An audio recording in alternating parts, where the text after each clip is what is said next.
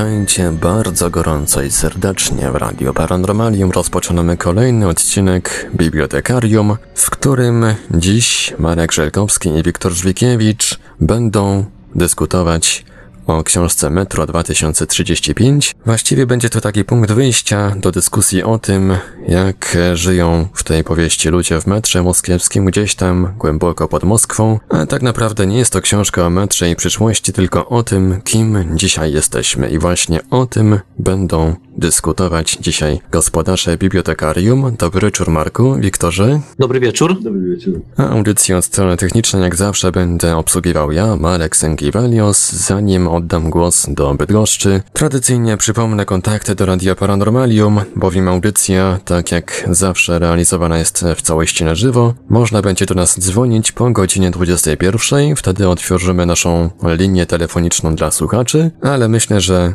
kontakty Warto zapisać sobie już teraz numer telefonu 32 746 0008, 32 746 0008, numer komórkowy 530 620 493, 530 620 493, skype radio.paranormalium.pl. Można oczywiście cały czas do nas pisać na gadu pod numerem 36 08 8002, 36 08 8002. Czekamy także na Państwa pytania, komentarze, jakieś spostrzeżenia na naszych czatach na www.paranormalium.pl oraz na czacie towarzyszącym naszej transmisji na YouTube. Można nas oczywiście także znaleźć na Facebooku, na kontach Radia Paranormalium i portalu Infra, na grupach Radia Paranormalium i czytelników Nieznanego Świata, a jeżeli ktoś woli, to może nam również wysyłać wiadomości drogą e-mailową na adres radiomałpa.paranormalium.pl. Halo Bydgoszcz! No to jeszcze raz witamy wszystkich bardzo serdecznie. I cóż, zaczynamy totalną apokalipsę. A myślę, że o, myślę, że się Wiktor zbiera do mikrofonu, to mu oddam głos. Jak z tą apokalipsą? Nie oddawaj mi głosu, ja skończę głosem. Dobrze, dobrze. Dobra, to ja jestem przy głosie, będę się go trzymał w takim bądź razie. E, powiem tak, może zacznijmy od tego, że y, będziemy rozmawiać o książce Metro 2035, o książkach e, poprzedzających ten, ten, tenże powieść, ale także w ogóle o literaturze, którą się w skrócie nazywa post-apo i w najróżniejszych, jej, w najróżniejszych jej wydaniach, od tych takich współczesnych, po nieco takie może przykurzone albo, albo zakurzone, nie, w sumie nie wiem jak. W każdym razie myślę, że o tym, o tym także porozmawiamy, ale na początek, żeby dopełnić jakby formalności, powiem tylko jeszcze o jednej sprawie, że e, w związku z książką Metro 2035 wydawca portalu bibliotekarium.pl postanowił słuchaczy naszych, e, zarówno tych online, jak i offline, obdarować. Oczywiście nie wszystkich, bo to pewno byłoby niemożliwe. Natomiast każdy, kto wejdzie na stronę mm, bibliotekarium.pl prosta, prosty, prosty adres. I tam znajduje się u góry strony taki, taki prostokącik ze zdjęciami, tam się te zdjęcia zmieniają. Jedno, jedno z tych zdjęć to jest Metro 2035, jest napisane, konkurs dla słuchaczy audycji Bibliotekarium. Wystarczy w to kliknąć, tam jest cała instrukcja. W skrócie powiem, że każdy, kto y, w komentarzach pod tym artykułem do 6 kwietnia tego roku napisze tymże komentarzu, dlaczego lubi albo też nie lubi powieści post-apo, zarówno tych e, postatomowych, zombiastych i wszelkich innych, to spośród e, wszystkich tych osób, które jakieś komentarze napiszą, wydawca portalu bibliotekarium.pl wybierze dwie, którym prześle książkę Metro 2035. E, to tyle o tym, o tym, o tym konkursie, czy też o, o tym rozdawnictwie jeszcze, przy, jeszcze przypomnę. A teraz przejdźmy do książki Metro, Metro 2035, który, od, od, której, od której wypada zacząć dzisiejszą audycję. Ja powiem tak, specjalnie wybrałem e, tę książkę, dlatego że pomimo, że jest to e, książka, która reprezentuje nurt post-apo, to jest to książka nietypowa. Jedni, e, jedni tę książkę za tę nietypowość pokochali, Inni natomiast znienawidzili, o czym przekonałem się dosyć, dosyć dobitnie, kiedy, kiedy przejrzałem sobie różne fora internetowe. I na temat tej książki można przeczytać zarówno e, hymny pochwalne, jak i, jakieś takie y, organizowane są tam seanse nienawiści. Otóż, mm, bo autor, czyli, y, czyli Dmitrij y, Gluchowski, zrobił jakiś czas temu, to już ponad 10 lat, w tej chwili nie pamiętam, w którym roku wyszła pierwsza powieść, czyli Metro 2033, E, napisał taki uczci, uczciwą, uczciwe powieścidło o tym, jak to rakiety jądrowe zostały przechwycone nad Moskwą. W ogóle wybuchła wielka wojna pomiędzy wschodem, zachodem, a właściwie pomiędzy wszystkimi wybuchła wojna. I, I te rakiety nad Moskwą zostały przechwycone, pojawił się opad ogromny, no i niedobitki ludzkości, niedobitki ludzi, którzy żyli w Moskwie, przetrwały, bodajże, o ile dobrze pamiętam, 50 tysięcy osób przetrwało w metrze. W metrze Mm, moskiewskim, które jest rozbudowane, które jest, które jest pajęczyną. I poznajemy w pierwszej książce, w metrze 2033, społeczności, mm, które no niczym nie zaskakują. No mamy tam, znaczy zaskakuje to poziom ich rozwoju, bo poznajemy je wiele lat po wojnie. E, ci ludzie tam e, gnieżdżą się, gnieżdżą się w tych mrocznych korytarzach. Na zewnątrz są jaki, jaki jest opad, jakieś bestie grasują. W tych korytarzach też się, też nie tylko ludzie żyją, poznajemy, te, poznajemy, te, e, poznajemy to środowisko, e, ale ono się wydaje takie właściwie poza tym, poza dekoracjami, to wydaje się dosyć normalne. To znaczy jest tam jakaś Hansa, są jakieś niezależne stacje, jest e, też odpowiednik komunistów, czy tak zwani czerwoni, jest wreszcie Rzesza. I te wszystkie organizmy, takie parapolityczne, właściwie polityczne, ze sobą się ścierają, żyją w zgodzie, w pokoju, a czasami w stanie wojny. Różnie się to układa, no tak, jak, tak, jak, tak jak się to ludziom zwykle, zwykle układa. I na, tym, na, na, tych, na, na tych dekoracjach występują główni bohaterowie.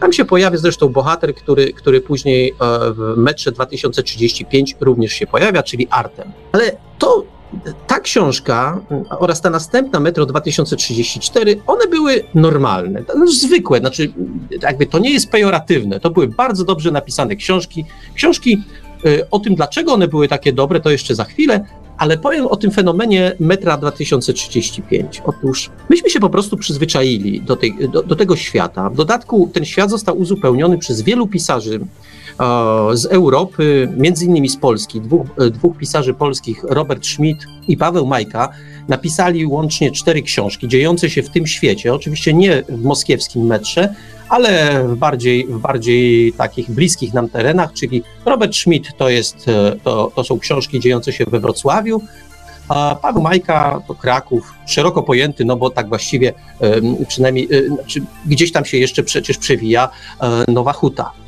E, więc tych książek w różnych krajach pojawiło się sporo, pojawiły się też wydania, kiedy, kiedy fani pisali opowiadania dziejące w tym, się w tym świecie. No właściwie wszystko się toczyło tak dosyć komercyjnie i dosyć, e, to zresztą powstawały bardzo, bardzo przyzwoite, bardzo fajne powieści, e, w których się sporo działo, w których ten wątek postapokaliptyczny był bardzo wyeksponowany, przeważnie były sprawnie napisane, bo, bo, bo wydawcy, y, ci, którzy dostali licencję na to metro, e, dbali o to, żeby to nie były gnioty. W związku z tym e, wychodziła z tego całkiem, e, całkiem fajna literatura rozrywkowa. I co zrobił Glochowski, autor? Otóż Metro 2035 absolutnie przewraca ten świat.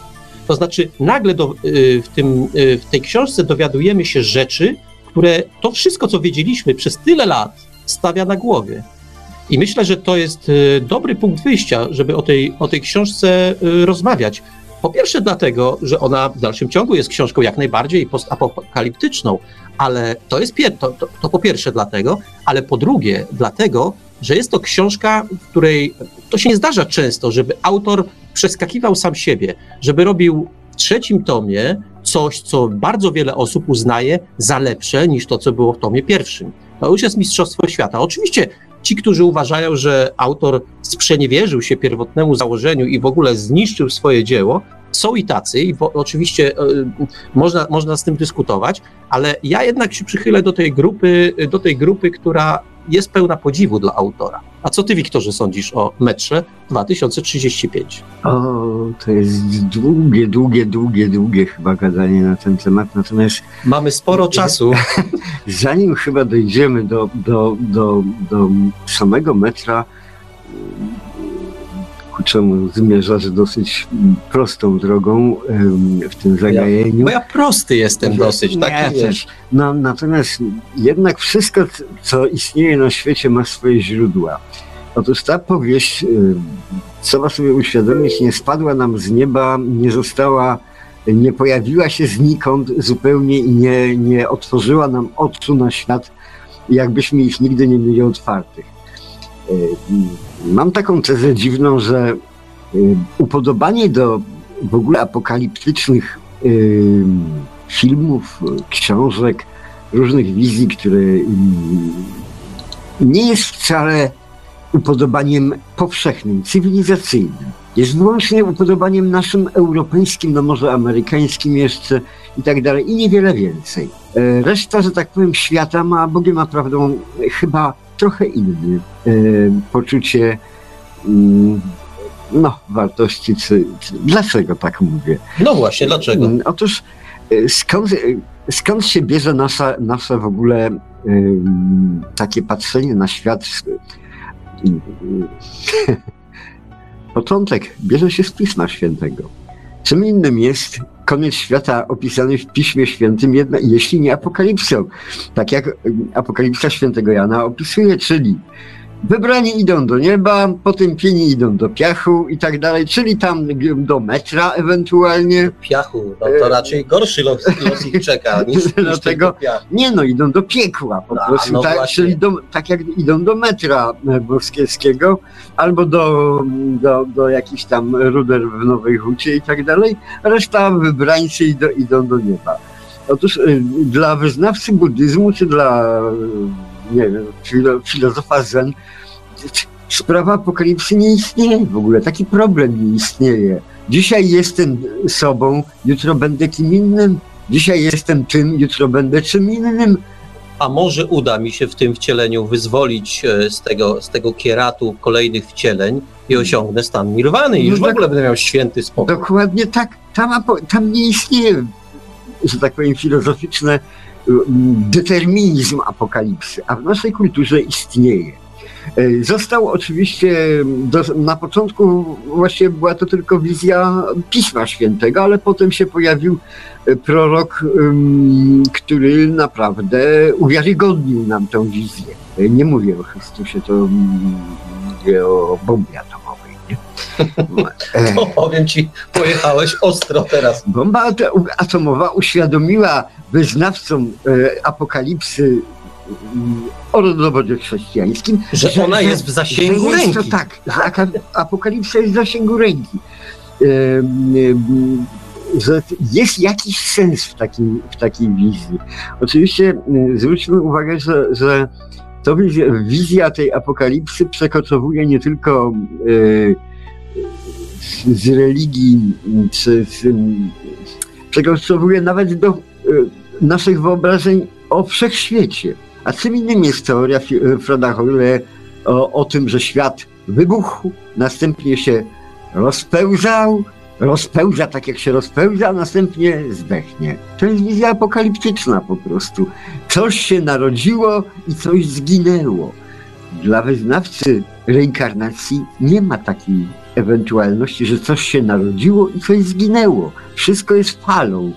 Wszystko trwa, wszystko ku czemuś dąży, tylko się zmienia. Nic nowego nie powiem, ale No. to, to, to jest. O, mówisz oczywiste oczywistości, że e, zacytuję No. klasyka, no bo w ogóle cywili, cywilizacja europejska, czy powiedzmy cywilizacja białego człowieka, i tu znów wyjdziemy na rasi, wyjdę przynajmniej ja na rasistę, no dobrze, więc cy, cywilizacja o korzeniach europejskich, to może będzie bardziej poprawne, e, to jest cywilizacja czasu liniowego.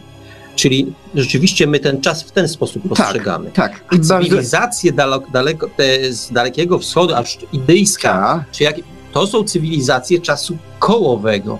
Wszystko jest nieustannym, nieustanną zmianą, powrotem. I to nieważne, że coś zginie, skoro się odrodzi. Światy się odradzają, tak. e, I wcielenia. teraz No właśnie. Tak jak Chiny budowały swoje e, imperium 10 tysięcy lat temu, e, wytwarzały porcelanę 10 tysięcy lat temu, żyły, bawiły się, umierały i tam wszystko i tak dalej, ale przetrwały do dzisiaj.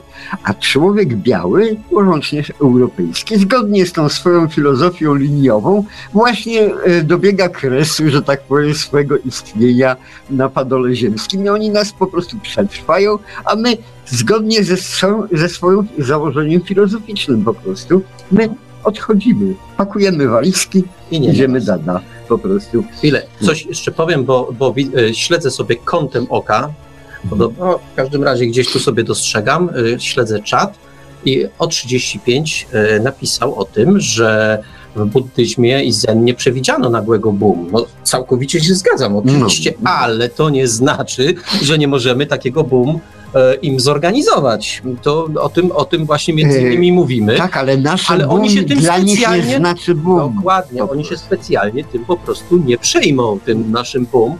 W związku z tym bardziej o tym, o tym problemie, e, o tym problemie mm, mówię. Poza tym Chiny, tutaj jest mowa też o Chinach. No, Chiny to jest w ogóle kraj, który, który, z którego by można ulepić cały kontynent, bo tam, bo tam i nie tylko tak, tak się mówi Chińczycy, Chińczycy, a to tak naprawdę kraj, w, który jest bardzo różny w zależności od tego, w której części Chin się znajdziemy. I, I, w zależności od tego y, możemy się zetknąć z bardzo, tak naprawdę bardzo różną cywilizacją. Mówimy cywilizacja chińska, Chiny, Chiny i tak dalej, ale w gruncie rzeczy, y, kiedy rozmawiałem z ludźmi, y, którzy z Chin wracali, to mi mówili, że po pierwsze, jak się podróżuje po Chinach, lata tym samolotem z jednej części Chin do drugiej, to człowiek wysiada z samolotu, o którym już zresztą wspomniałem częściowo, że się zjawił w innym kraju, a to dalej są Chiny. To dalej są Chiny, tylko one są w zależności od położenia geograficznego trochę inne. Troszeczkę. To nie zawsze jest znacząca różnica, ale jest. Dobra, wróćmy do naszej, do naszej apokalipsy. Ja powiem, powiem tak, zanim przy, Wróćmy. Znaczy, że może w naszej kulturze no. e, ta książka e, Metro Gruchowskiego też ma swoje źródła w tym nurcie liniowym po prostu. E, gdzie są jego źródła? Na pewno ja, jak, jak wspomniałem w tym e, Piśmie Świętym jako takim, no, ale w, w takich bardziej, bardziej prostych rzeczach, które tego na pewno John Wyndham piszą, pisząc to poczwarki, poczwarki napisał, a napisał Dzień Tryfidów. Dzień, I o ten Tryfidów to ci chodzi. I tak dalej, to na pewno też są y, y, źródła, y, skąd y, y, tego rodowodu powieści Gluchowskiego. Ale coś muszę powiedzieć, przerwę tak. ci oczywiście, bo ja jestem od tego, żeby tak. przerywać. Bardzo nie polecam filmu nakręconego na podstawie, na podstawie książki y, Dzień Tryfidów. O ile książka nie, nie, jest super, w swoim czasie za tą książką uganiały się całe tabuny ludzi, żeby ją zdobyć. Były to lata 80., a właściwie koniec 70., o tyle film jest, no już się mocno zestarzał po prostu i ja specjalnie nie polecam. Ale jak zwykle ci przerwałem nie, i zgubiłeś film, wątek pewno. Nie, nie, nie, film jest toporny po prostu, natomiast książka jednak daje coś dla wyobraźni, o, dla czytelnika dużo do dalej, a film nic nie daje dlatego. Natomiast książka Goruchowskiego na pewno daje bardzo dużo. No właśnie, a co ci dała takiego? Yy, dlaczego? Właściwie mi to niewiele, bo ja mniej więcej wiem, jak wszystko będzie. Nie, ale Natomiast... dobra, dobra, wycofuję pytanie, Natomiast... ale powiem o coś innego. Tak. Powiedz mi, y, bo ty zacząłeś o tym mówić, a właściwie e, zacząłeś i ja zacząłem i tak się głubimy w zeznaniach. Powiedzmy, albo spróbuj to mhm. powiedzieć, dlaczego niektórzy ludzie, spora część, bo ja znam sporo, spo, sporą grupę ludzi, Dlaczego lubimy taką literaturę? Dlatego, że kiedyś powstała Apokalipsa? Dlatego, że czytaliśmy Pismo Święte? No sorry, to możemy się tak pobawić, e, pobawić wiesz, w takie analizy e, e, związane z, z religią i historią. To oczywiście jest bardzo zajmujące, ale powiedzmy też o takim no skąd się to zainteresowanie bierze? No skąd? Ale to trzeba by było Freuda zapytać, a nie mnie chyba. Bo Sorry? upodobanie do y, robienia krzywdy sobie albo własnemu społeczeństwu, albo swojej cywilizacji i do rozpatrywania tej tego czegoś jak, jako, jako pewnej atrakcyjności, że tak powiem, no, no jest, jest widocznie przez freudystów może być jakoś wytłumaczone. Mi to trudno. Yy, poza, poza tym, że są takie dziwne paradoksy związane z, yy, z naszą psychiką i może z tym lubieniem rzeczy negatywnych albo apokaliptycznych, zadam Ci proste pytanie, Marek. Nie wiem, czy Ci kiedyś zadawałem. Ym, A będę potrafił odpowiedzieć? chyba tak, nie? Y, Marek, co lepiej, być optymistą czy pesymistą? Każdy w naszej europejskiej kulturze natychmiast odpowie, że oczywiście lepiej być optymistą. Absolutnie nieprawda. Absolutne pomylenie czegokolwiek. Otóż y, lepiej być pesymistą. Dlaczego? Bo człowiek się może pozytywnie Dla- rozczarować. No, dla, znaczy tak, rozczarować. dla może się zdrowia psychicznego lepiej być pesymistą. Pesymista wie, że jutro go nic dobrego nie spotka. A jutro go, spotka? Jutro go nic dobrego nie spotyka, nic się nie stało. Następny dzień nic się nie stało. Wreszcie przypadkiem fuks. O, święto, wspaniale. Optymista jutro wie, że go spotka coś wspaniałego, a tam nic, tragedia. Następny dzień Też, kos, tragedia, też, tragedia. kosmos, też kosmos Tragedia. Tak, kosmos milczy. Optymistą być nie warto. Zdecydowanie lepiej być pesymistą, żeby mieć, zachować zdrowie, zdrowie psychiczne. Może też dlatego my, lubiąc em, te wizje apokaliptyczne, pesymistyczne, po prostu jesteśmy zdrowi psychicznie po prostu. W przeciwieństwie do optymistów takich jak e, e, tych, którzy budowali kiedyś komunizm, czyli przyszłość będzie świetlana, piękna, doskonała, e, wszystko będzie cudownie i, i będziemy nażarci, natchnieni i w ogóle będzie wspaniale. Okazało się, że nie będzie. No, jesteśmy rozczarowani, mm, bo byliśmy optymistami. No dobra, No. Wybroniłeś tezę, to E, przyznaję ci. Natomiast, natomiast z Golchowskim to, to dlaczego my takie coś lubimy? A, a nie wiem, ale pa, pamiętasz, były te w średniowieczu te takie marsze biczowników. Szli w pielgrzymce i chlastali się po plecach pejczami. Pamiętasz, takie coś było, nie? No było. No my lubimy. My widocznie jesteśmy masochistami w jakimś, w jakimś sensie i lubimy się biczować, nie? No i e, a poza tym, a poza tym jeśli, e, jeśli napisać książkę, że wszystko będzie dobrze, to przecież jest nudne. Nie, to pewnie, pewnie, że, że, że tak. Ale ja ci powiem, ja cały czas obsesyjnie wrócę, wrócę jednak do tego metra 2035, bo to jest książka, która mm, w przeciwieństwie do wielu osób, i to podkreślam, że rzeczywiście ta książka bardzo wiele osób mogła zawieść, bo ona niszczy, rzeczywiście niszczy w jakiś tam, nie mogę za dużo oczywiście powiedzieć, bo staram się, staramy się jednak e, nie opowiadać książek, e, e, które sygnuje, sygnalizujemy, o których istnieniu e, sygnalizujemy, e, to jednak e, rzeczywiście ta książka rozbija świat metra, e, ten świat, który poznajemy w metrze 2033 i w metrze 2034 oraz wszelkich innych kontynuacjach, właściwie uzupełnieniach tej, tej sagi. Ten świat zostaje rozbity. No, nie do końca, prawda nie do końca, ale nagle poznajemy mechanizmy, które rządzą tamtą rzeczywistością. Dowiadujemy się czegoś, do, dowiadujemy się czegoś e, zarówno o tej Hanzie, która jest, która się gdzieś w pierwszym tomie wydaje taką, taką, takim miejscem, które chroni cywilizację, która właściwie nastawiona jest na to, żeby prowadzić handel, żeby, żeby wymieniać towary, no czysty interes. Zaczynamy się dowiadywać czegoś więcej o czerwonych, o których wiemy od pierwszego tomu, że ufać im nie można, w ogóle jakoś, jakiś taki renesans y, komunizmu starają się wprowadzić. Gdzieś tam się pojawia Rzesza, no Rzesza też się nam jednoznacznie, jednoznacznie kojarzy, ale pierwszym czy, czy drugim tomie my to traktujemy jak, jako taki swoisty folklor. Jako takie, no tak, no sobie tam napisał ten Goluchowski, że a tu są ta, tu są czerwoni, tu są czarni, a tu jest jeszcze jak, jakaś, jakaś Europa w postaci Hanzy, taka mini Europa w metrze i w związku z tym te siły się ścierają, ale w sumie, w sumie nic się wielkiego nie dzieje.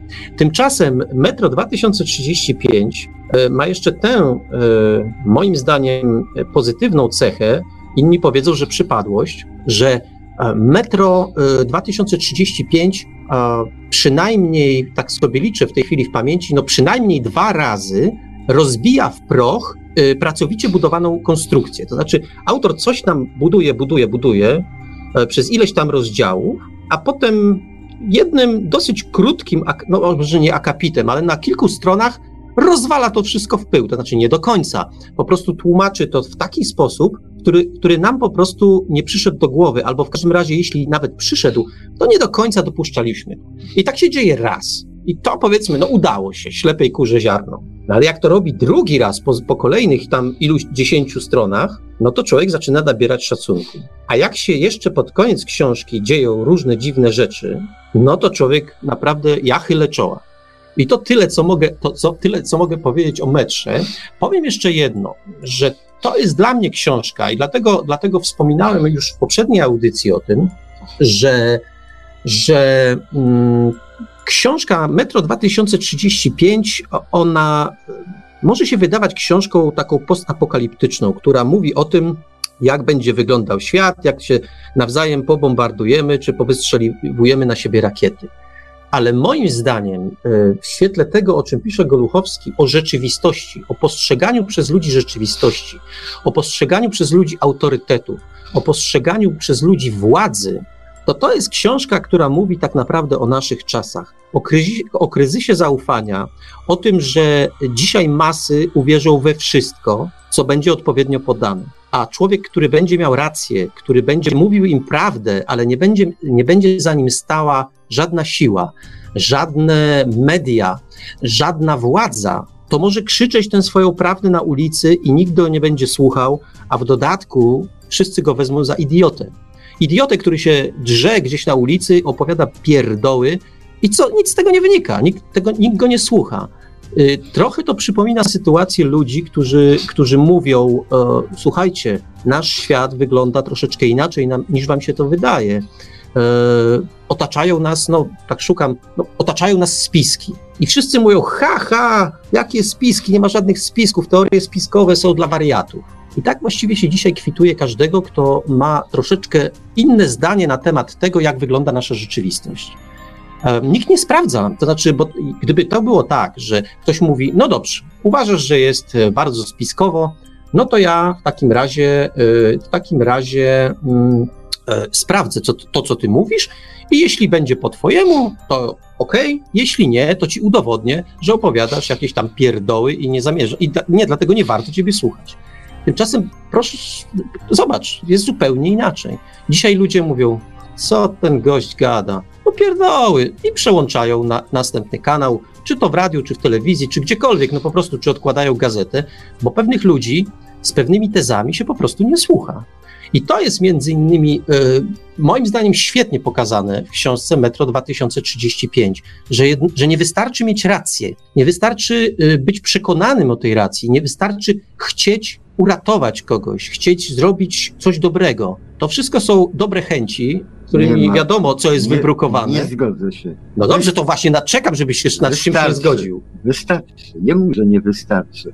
Jest przykład przywołałem tutaj dzisiaj Chrystusa. Chrystus nie miał swoich żołnierzy, ani politycznego zaplecza, ani niczego. Miał tylko swoją, swoje przekonanie, swoją wiarę, którą po prostu potrafił y, zaszczepić innym. Ale na to trzeba zapracować tu trzeba znaleźć tego, a nie myśleć, że wpadłem na ideę albo, że tak powiem, na coś tego i teraz natychmiast wszyscy padną mi do nóg, padną, powiedzą, że jaki jestem genialny, idę za tobą do nieba, nie? Ale nie, nie zgodzę się, ale nie, dobra, dobra, już rozumiem, ale Zapytam Ciebie w ten sposób. O tym zapracowaniu zgoda, na pewien autorytet trzeba mhm. sobie zapracować, bo o tym pewno mhm. myślisz. Mm. Natomiast, a jeśli y, uda Ci się, poweźmiesz jak, jakąś wiedzę o świecie, która jest, hermet, ta wiedza jest hermetyczna, nieznana wielu osobom, ale jest to prawda. I wiesz, że jeśli podasz to ludziom, to przynajmniej część z nich uratujesz, a oni cię nie słuchają. Bo nie, zas- bo nie masz autorytetu, nie zasłużyłeś sobie. Chrystus ale mówił ludziom, że wszyscy są równi, co nie było w żaden sposób świ- świ- świadomości absolutnie nikogo. No, ale nie wszyscy no, mogą być Chrystusami. No niestety, no to, to co, no, co byśmy nie no, powiedzieli? Jeśli, jeśli chcesz być prorokiem, to musisz e, no tak, no, zgoda. Ten, ten mechanizm rzeczywiście, i to, to jest rzeczywiście też mechanizm, rzeczywiście można na, ten, na, na książkę Goluchowskiego spojrzeć w ten sposób. Rzeczywiście Artem jest takim człowiekiem, który stara się chwil, chwilami w rozpaczliwy sposób ocalić część ludzi, niektórych ludzi, jakieś tam mniejsze, większe społeczności i to mu się nie udaje, w każdym razie nie, nie o to chodzi, czy mu się udaje, czy nie, bo to czy bywa różnie, o może tak, bywa różnie, ale on bez przerwy ma poczucie tego, że ci ludzie nie chcą słuchać tego, jaka jest prawda. Oni wolą swoją prawdę. Co więcej, później jeszcze autor oczywiście przewrotnie robi tak, że, że sam Artem, główny bohater, nie jest do końca pewien, czy o ile na początku jest pewien, że ma rację, to w niektórych momentach książki, w niektórych momentach powieści tę wiarę na chwilę traci. A a propos tego, yy, znowu niezawodny o 35, pisze o tym znaczy, na, na czacie, o tym, jak silne jest, jak silne jest oddziaływanie chociażby środków masowego przekazu. Ja tak naprawdę y, nie wiem, y, nie wiem, czy to jest prawda, czy nieprawda. Mój rozsądek podpowiada mi, że to jest absolutny fake, ale być może ja nie jestem człowiekiem rozsądnym. Ale historia o błękitnym wielorybie, która teraz jest wałkowana w te i we w te przez różne media, e, w sposób, e, znaczy inaczej, nikt moim zdaniem nie zadaje e, wśród tych dziennikarzy, którzy wałkują ten problem, wałkują tę sprawę, nie zadaje moim zdaniem podstawowych pytań które tam w ogóle nie padają w, tym, w, tej, w tych rozmowach, w tych, w tych przekazach o, o tym błękitnym wielorybie. E, tam po prostu wałkuje się ciągle i to, ciągle to samo. A moim zdaniem wystarczyłoby zadać kilka rozsądnych pytań i już e, ta napompowana do granic informacja o błękitnym wielorybie stałaby się nieco sflaczała. Ja powtarzam, nie wiem jak, być może będę musiał za, za tydzień, dwa, może za miesiąc odszczekać to wszystko, co w tej chwili powiem, bo rzeczywiście problem urośnie, ale jakoś jestem, jakiś taki dziwny spokój jest we mnie, że jest to absolutnie, y, absolutnie rzecz y, nadmuchana. Y, uważam, uważam, że po prostu, po prostu ktoś zrobił newsa i tego newsa dosyć sukcesywnie media podtrzymują i jeszcze go pompują. No, Dobra. Ale zobacz, ja, y, na mnie to nie działa, bo ja w ogóle od no, się tego dowiedziałem. No tak, no trudno, żeby działała. Miałem oczywiście skojarzenie z Mobilikiem natychmiast, bo to była też, że tak powiem, wymyślona wizja, wymyślona dla czytelników, dla widzów, dla, dla, dla tego. Moby Dick, czyli niesamowity tam jakiś wieloryb i tak dalej. No tak, ale wiesz co, proponuję e, z błękitnego no. wieloryba jeszcze, e, jeszcze uciec jednak w stronę post-apo. E, w pewnym momencie, w pewnym momencie powiedziałem o tym, że książka Metro 2033 doczekała się kontynuacji. Tu licznych kontynuacji w różnych krajach, E, byli e, i Włosi się za to brali, i oj, to pamiętam, chyba Niemcy. E, tych krajów było więcej, ale niestety nie pomnę, bo nie wszystkie, nie wszystkie książki z cyklu czytałem. Natomiast e, mamy też swój polski wkład w postaci Pawła Majki, e, człowieka, który, który napisał dwie książki, i Roberta Schmidta, który również dwie książki napisał.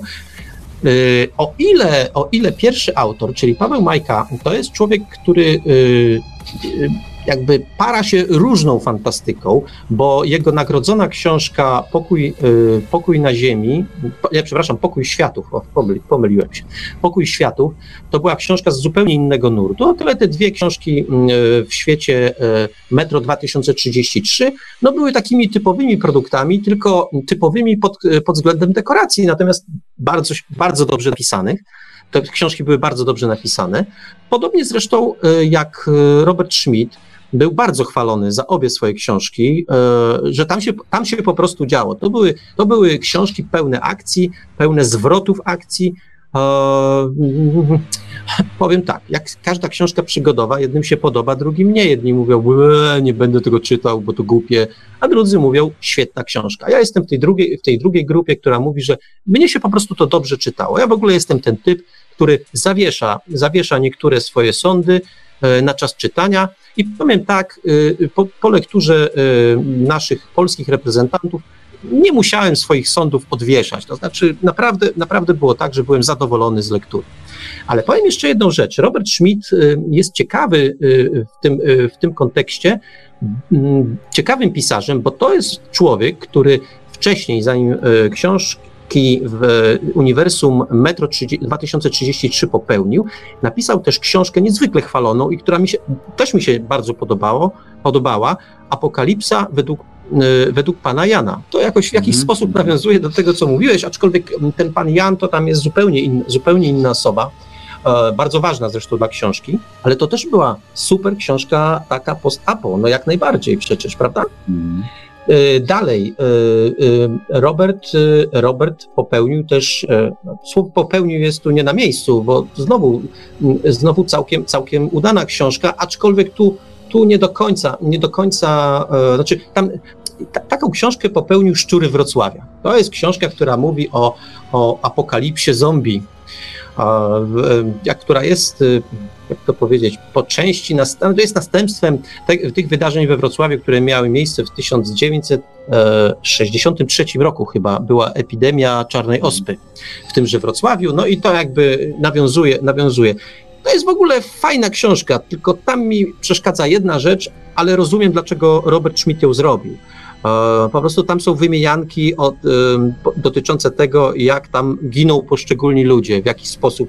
E, Robert, Robert śmiał się zresztą, że mordował ich na stro- e, konkretnych ludzi, bo rzeczywiście brał konkretne imiona i nazwiska ludzi, którzy się zgłaszali i ich mordował na kartach książki. E, Robił to na różne sposoby, bardzo, bardzo, bardzo sprawnie zresztą mu to wychodziło. I to są, to są takie elementy tej post, książki postapokaliptycznej, które mnie chwilami nużyły. Ale to tylko chwile, chwile były, bo sama, sama intryga, to co się w książce dzieje, jest znowu bez zarzutu. Ale ja ci zadam inne pytanie, bo ty zawsze się mienisz dinozaurem, no więc zadam pytanie, pytanie takie dinozaurowate. Powiedz mi, jakbyś miał powiedzieć, kiedy się e, ten, to, ten zachwyt literacki literaturą post-apo zaczął według ciebie? Jakbyś tak miał powiedzieć, tak rzucam cię na głęboką wodę i teraz mi odpowiadaj. No, zaczął się chyba, jak ja tak mam skojarzenia. No, pierwsze co, to Wells, Wells i wehikuł czasu, gdzie y, wiesz co to jest bomba, co to jest zagrożenie, co to jest apokalipsa. Największą, najstraszniejszą rzeczą, jaka może być dla człowieka, dla nas, dla nas dzisiaj, tu i teraz, jest po prostu nie żadna bomba atomowa, nie kosmiczna, ale ogólnie przyszłość. Przyszłość jest, może być straszna i najstraszniejsza. To jest najbardziej tego. No i po prostu w wehikule wyobraźni, yy, to raczej tym yy, wehikule czasu Uelsa w przyszłości okazuje się, że, że tak powiem, tak jak powiedziałem, aniołki bujają w niebie, natomiast warlocki tkwią pod ziemią świat jest straszny. Mniej więcej taki sam jak opisany tutaj. Ale jak będziemy mówili o, o Hadesie i tak dalej, to będzie Mhm. się długo wlekło.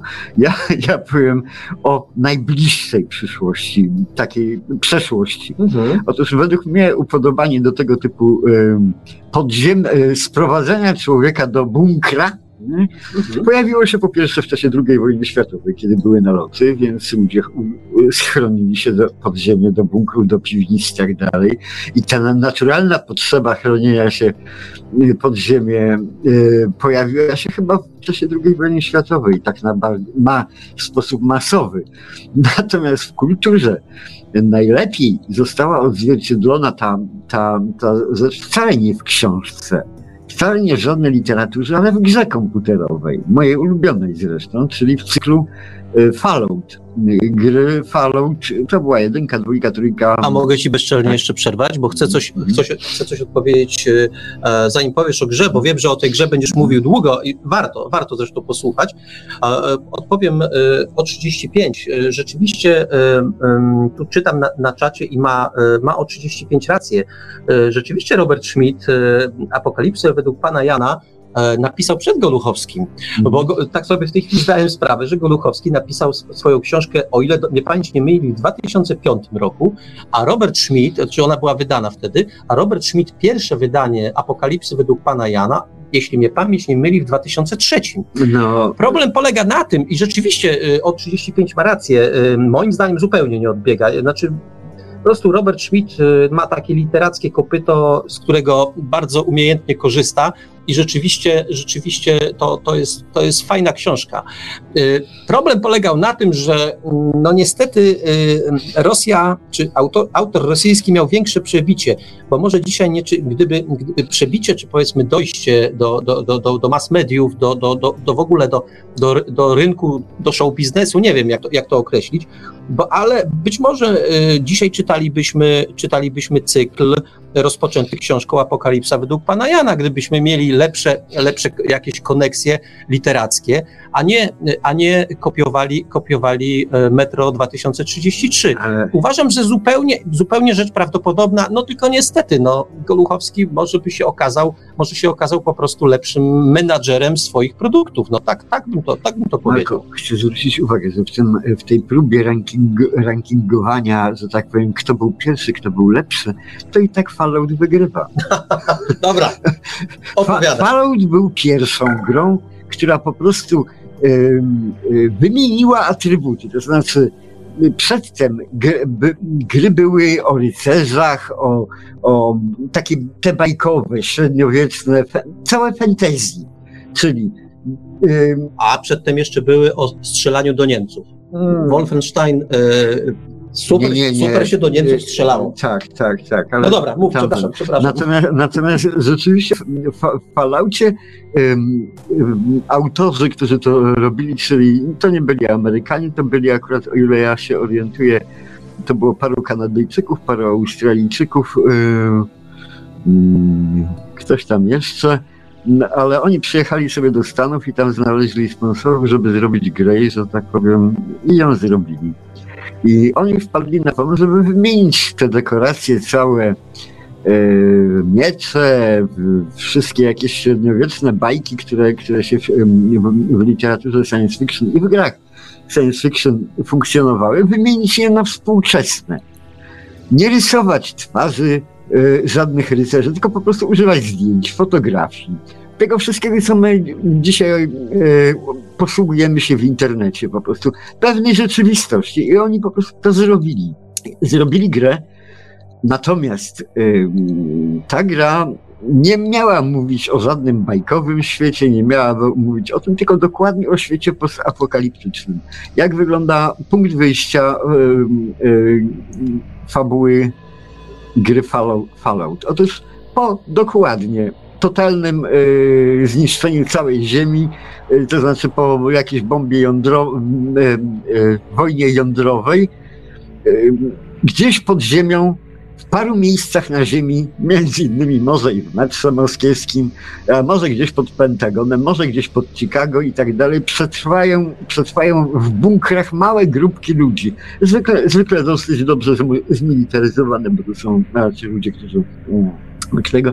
No oni przeżywają tą całą wojnę, trwają tam pod ziemią, rozwijają się i tak dalej, no i powolutku, powolutku zaczynają wyłazić na powierzchnię ziemi. Jednym to się udaje, inni giną. E, na powierzchni ziemi grasuje w tym czasie zupełnie i zupełnie inny świat. Są zupełnie są te wszystkie rzeczy, które potem się w, w książkach e, innych autorów, już późniejszych, pojawiały potwory, zombie, mo, mutanci, genomuty, wszystko i tak dalej. Natomiast tam e, wyłazi z podziemi człowiek i to jest cykl Fallouta.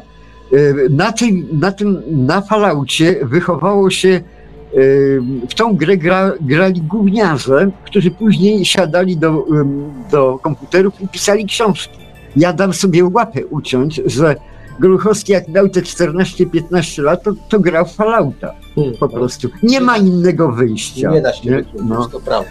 No, bo to na tej, na, tej, na tej grze się wychowywali ludzie, którzy później pisali książki, pisali scenariusze, dzisiaj piszą scenariusze filmowe.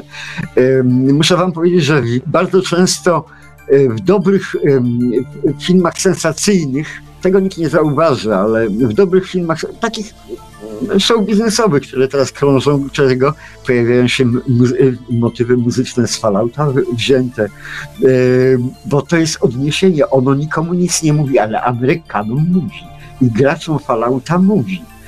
Czują klimat, czują atmosferę. To, to są może parę sampli, może parę coś, coś tego, ale to jest. I ja jako znawca tego, ja to wyłapuję normalny człowiek nie widzi tego. Natomiast yy, nawet najlepsi muzycy, którzy, którzy przez ostatnie, yy, którzy dzisiaj mają 20-30 lat, oni urodzili się grając Fallouta.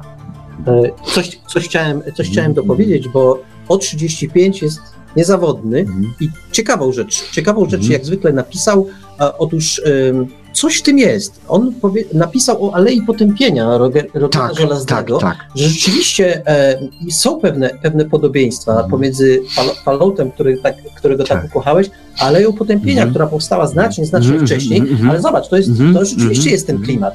Ja co prawda nie do końca zgadzam się z tym, że wszystko zaczęło się od e, Alei Potępienia, bo pewno jeszcze porozmawiamy o tym, co było jeszcze wcześniej niż Aleja Potępienia, ale przyznaję, Aleja Potępienia to była jedna z tych książek, które w swoim czasie zrobiły na mnie ogromne wrażenie, naprawdę. To było co prawda w czasach, kiedy tej literatury y, zachodniej było trochę mniej i jak to się ukazało pierwszy raz w fantastyce, to wszyscy zrobili takie wow, ale książka. Trochę było później gorzej, bo zobaczyłem film, e, film, e, film e, ten telewizyjny na ten temat, który poza tytułem właściwie w ogóle nie przypominał książki. No ale pominijmy, pominijmy to milczeniem. Na razie zostawmy te pierwociny, bo pewno do nich jeszcze pożeglujemy. W każdym razie rzeczywiście Aleja Potępienia Żelaznego to jest książka, no, którą do dzisiaj wspominam z pewnym takim dreszczykiem. Po prostu dobra, dobra lektura była. Dobra, opowiadaj Marku, e, o, o Falloutie, e, bo Fallout to jest taka... Najpierw, najpierw jeszcze tego. Filmy należy w ogóle generalnie przemilczać, gdyż one są, że tak powiem, jak pierdnięcie zwykle w towarzystwie.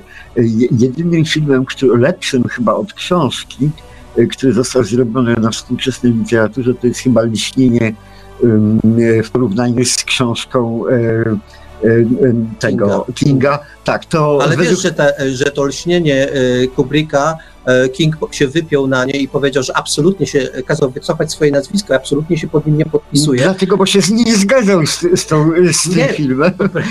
Po prostu, ale wiele, wiele, wiele lat później Tak. King nak- nakręcił swoją wersję, Mhm. która była fajna i wierniej, i Mhm, bardzo mhm, wierna mhm. temu, co napisał, a ja i tak wolę Kubricka. Tak, tak, tak, bo Tak, tamta była dobra. No, po prostu, była po prostu dobra. tak. Ale dobra, wiesz Mhm. co, y, powiedz jeszcze o Falloutie, bo ty o Falloutie y, właściwie moglibyśmy zrobić osobną audycję o tej grze, no więc na, na to na razie sobie nie pozwolimy, ale wiem, że Fallout to jest właściwie dla ciebie troszeczkę taki sposób życia.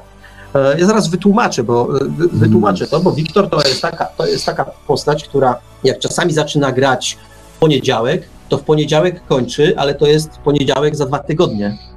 Z krótkimi przerwami na sen oczywiście i na kawkę. Niekoniecznie. No, na kawkę niekoniecznie, ale na Nie, papierosy. nie, na sen niekoniecznie. A senny, ale kawka, ale kawka owszem i papierosek owszem też. No tak, ale te rozgrywki czasami trwają, i tu wcale nie przesadzam z tymi, z tymi, e, z tymi dwoma tygodniami. A mnie bardziej zafra- zafascynowały, zafrapowały nawet twoje opowieści o zabawach e, z Falloutem, a właściwie nie zabawach, znaczy nie z, z Falloutem, ale z twórcami tej gry i z tym, e, co oni tak naprawdę w tej grze ukryli. Bo ty zdaje się, e, z racji tego, że w swoim czasie pracowałeś, e, w każdym razie e, mocno współpracowałeś ze świat, z, z, z pismem Świat Gier Komputerowych, to miałeś taką swoją pasję i rozkładałeś gry na czynniki pierwsze, to znaczy wyciągałeś z nich bebechy. I może coś na ten temat. Nie, to tam rzeczywiście jak mieszka- pomieszkiwałem w redakcji e, Świata Gier Komputerowych, to po prostu dostawałem e, te pierwsze wersje e, przesyłane przez firmy ze Stanów do, do, do Piotra Pinkowskiego po to, żeby je rozgryźć po prostu, co, co, co tam autorzy zrobili i ewentualnie e, zasugerować autorom, co by wa- warto było zmienić, bo to była e, wielostronna wymiana dwustronna, a nie jednostronna, tylko dostarczanie tego. No ale to jest, to jest taka historia. Natomiast dlaczego, dlaczego ja tak się upieram troszeczkę przy, przy Falloutie w porównaniu z Goluchowskim Otóż, yy, i w ogóle z literaturą jako taką? Otóż książkę, najwspanialszą książkę, ja mogę przeżywać. Mogę ją przeżywać wielokrotnie. Yy, Dzisiaj to już ciężko, ale jednak nie mam wielkiego pola manewru, żeby wpłynąć w jakiś sposób na fabułę tej książki.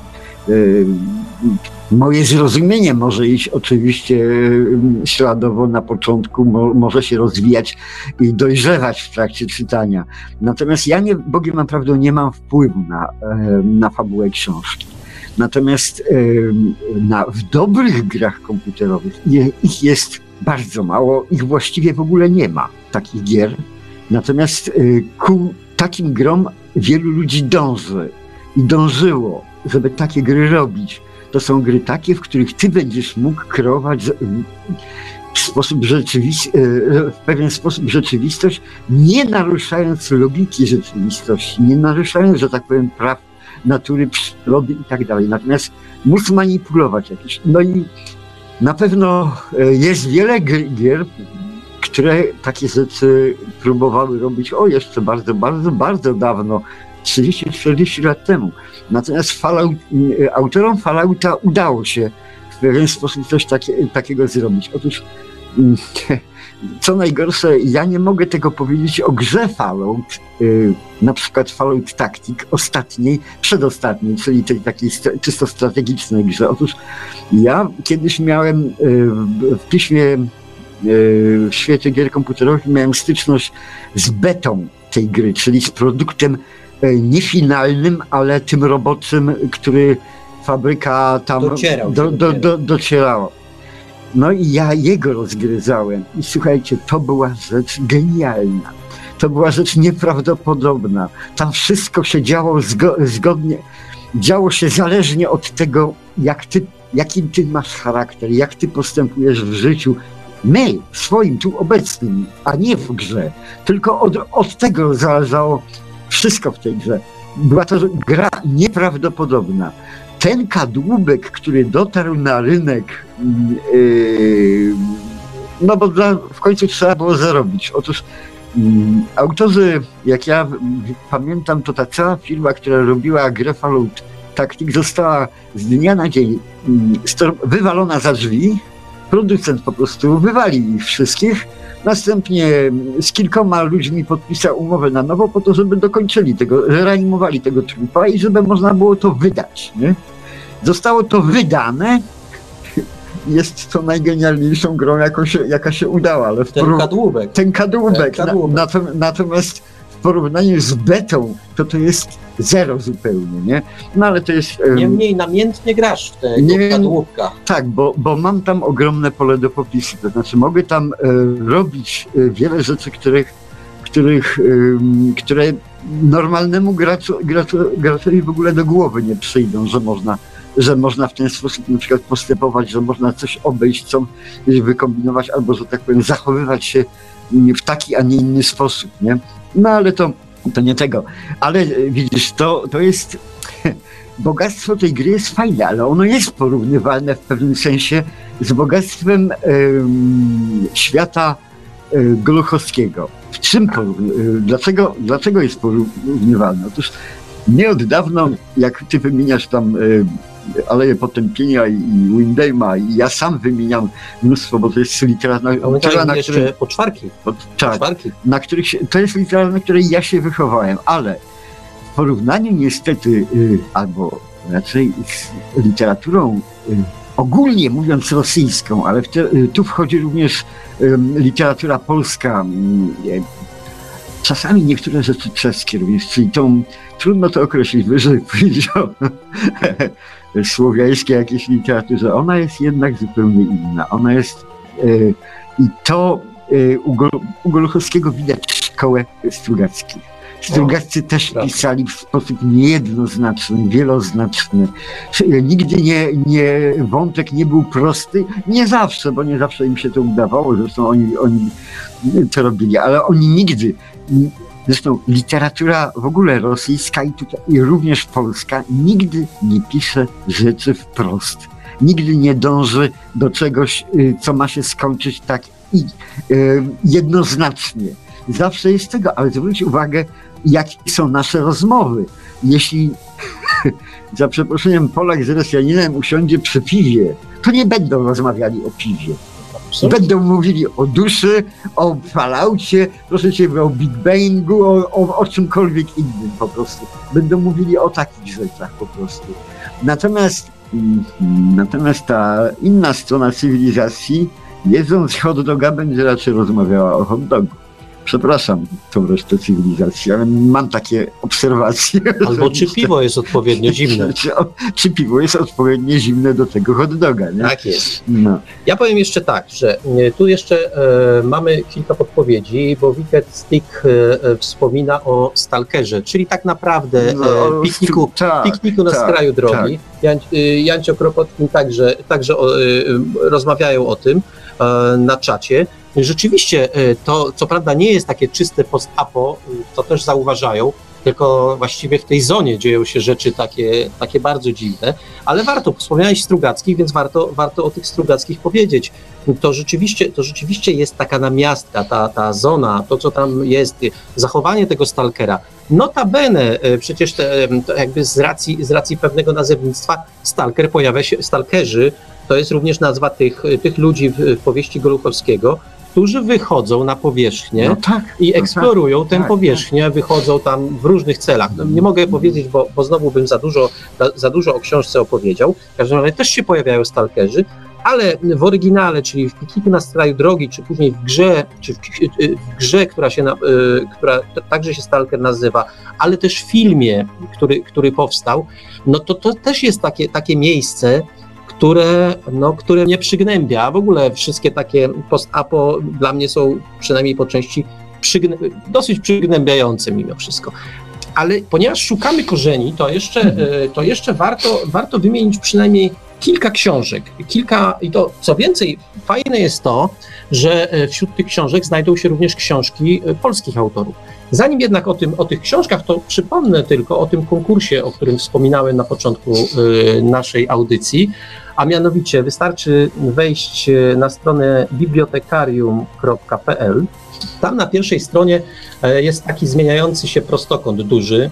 Raz się pokazują książki, a raz się pokazuje coś, co się nazywa Metro 2035, konkurs dla słuchaczy audycji Bibliotekarium. Jak się kliknie ten obrazek, no tam jest, e, tam jest ogłoszony przez wydawcę portalu, e, wydawcę portalu m, konkurs, polegający na tym, że każdy, kto do tego, że a, em, dlaczego lubi albo nie lubi literaturę e, postapokaliptyczną, a wśród tych wszystkich osób zostaną wylosowane dwie książki właśnie Dimitrija Gołuchowskiego, Metro 2035. Nie tyle wylosowane, co zostaną wybra wybrane te książki, e, że wybrane, wybrane zostaną te wypowiedzi przez miłościwie nam panującego wydawcę. I tenże, tenże wydawca zdecyduje, kto, kto jedną i drugą książkę dostanie. To tyle, to tyle y, o konkursie, natomiast, y, y, natomiast warto, warto powiedzieć jeszcze na przykład o takiej książce z polskiego rynku, która w latach 80. narobiła naprawdę dużo, dużo szumu. A mianowicie no właściwie bardzo długie opowiadanie, no ale właściwie prawie w objętości książki, właściwie książka, czyli książka Głowa Kasandry. To Mhm. była książka, y, wymieńmy też autora, Marek Baraniecki. Bardzo często, właściwie co roku, bywa na y, Festiwalu Fantastyki w Nidzicy, organizowanej przez, e, przez Wojtka Sedeńkę i wydawnictwo Solaris. I tam można z Markiem Baranickim porozmawiać. To bardzo, bardzo ciekawa postać. Y, Ta książka, Głowa Kasandry, to była książka, która takie wbijała w fotel w latach 80., bo to była książka, która mówiła w tamtych czasach, dzisiaj się to wydaje śmieszne, ale w tamtych czasach powiedzenie, że to może jednak nie Amerykanie zaczęli wojnę, to było w ogóle, to był kosmos. W dodatku ta książka miała być zekranizowana.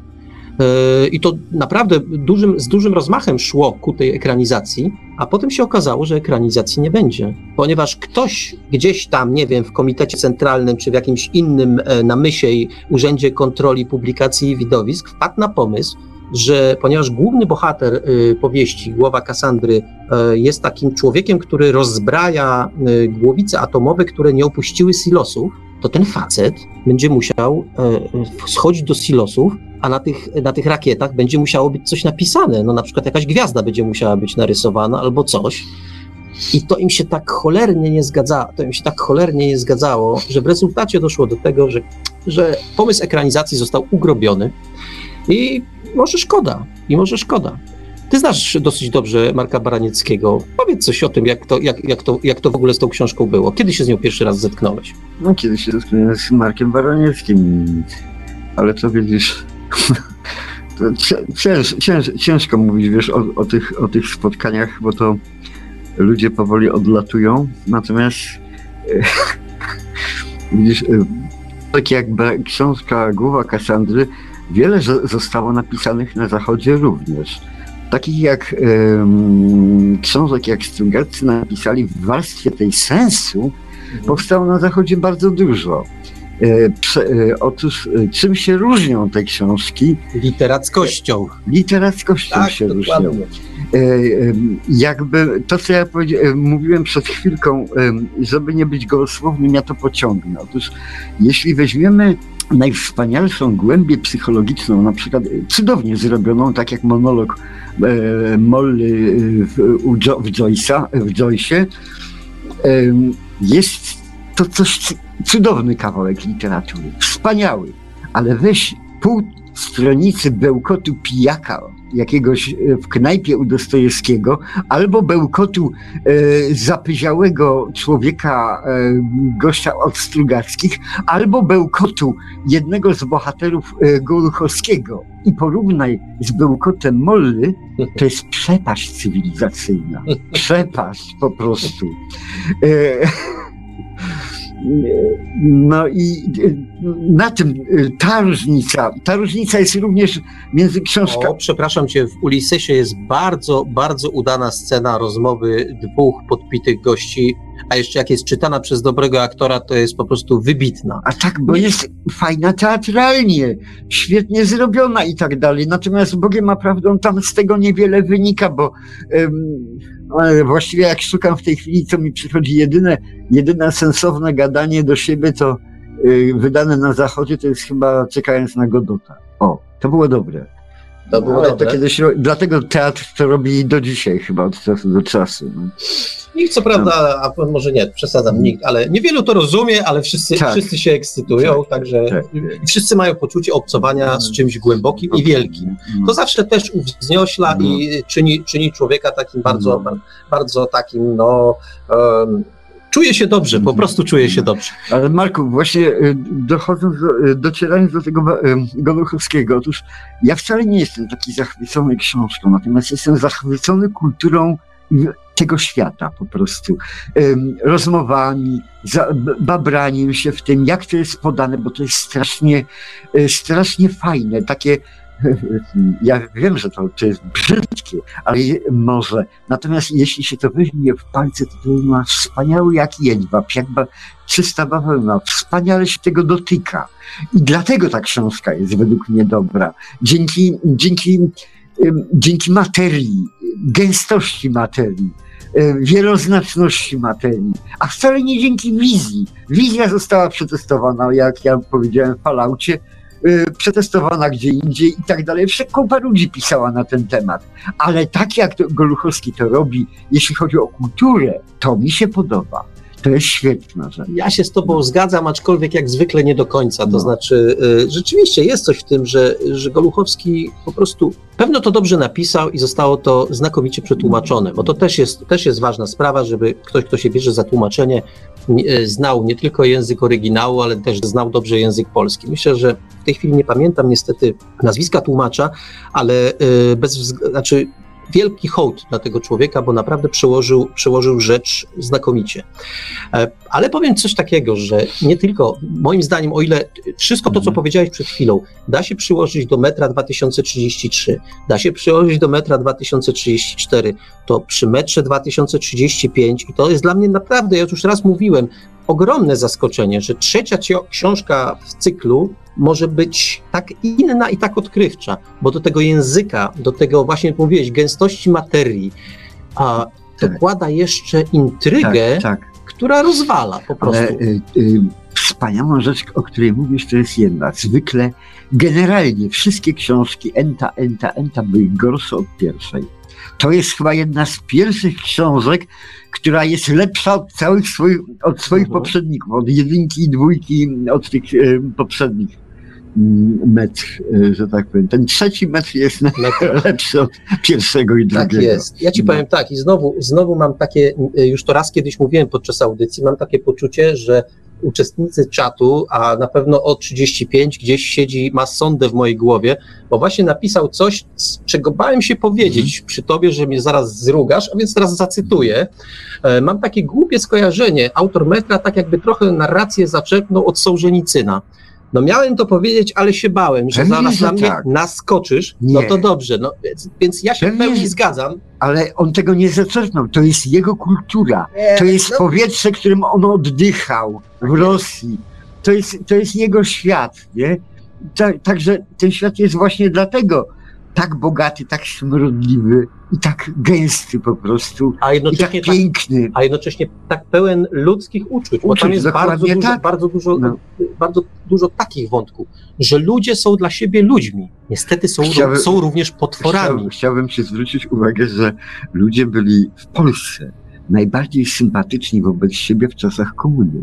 No Wtedy tak, byli no. mili wobec siebie, sympatyczni. W tej chwili upodobniamy się do naszych wyżorców po Mm. prostu. To prawda. To Jak prawda. jedziemy windą, to najlepiej metr od siebie i broń Boże nie Ale odezwać i się. w ogóle, ale się nie dotknąć w ogóle. no, tam, nie to ja- dotknąć, ani się nie odezwać. Nie, nie, no tam po co się odzywać? No, No. wiadomo, że nikt taki mądry jak my nie jest. No i to tak mniej więcej takim nurtem, takim nurtem się porusza. Ludzie uważają się za najmądrzejszych, najwspanialszych i najlepszych i nie będą z jakąś hołotą rozmawiać, szczególnie w wincie.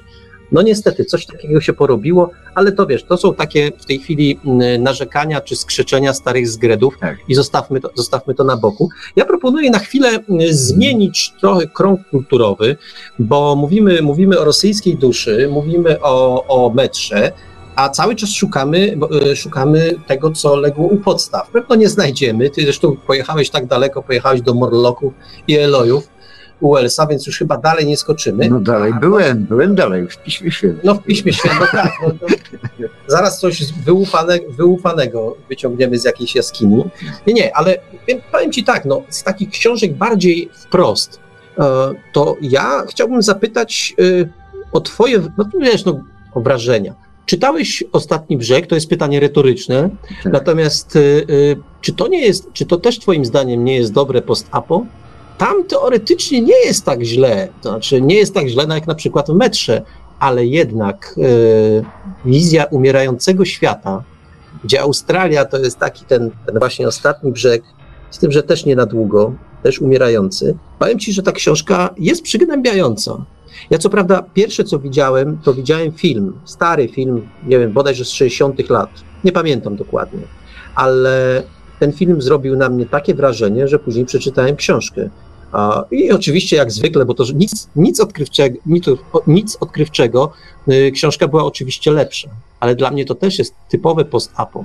Może jeszcze nie tak epatujące, e, nie tak atrakcyjne w sensie taki, tego, co się dzieje, bo książka, e, książka mm, Ostatni Brzeg toczy się powoli. Tam coś próbują odkryć, coś próbują przechować, próbują ocalić trochę tego człowieka w sobie w, tych ostatnim, w tym ostatnim czasie.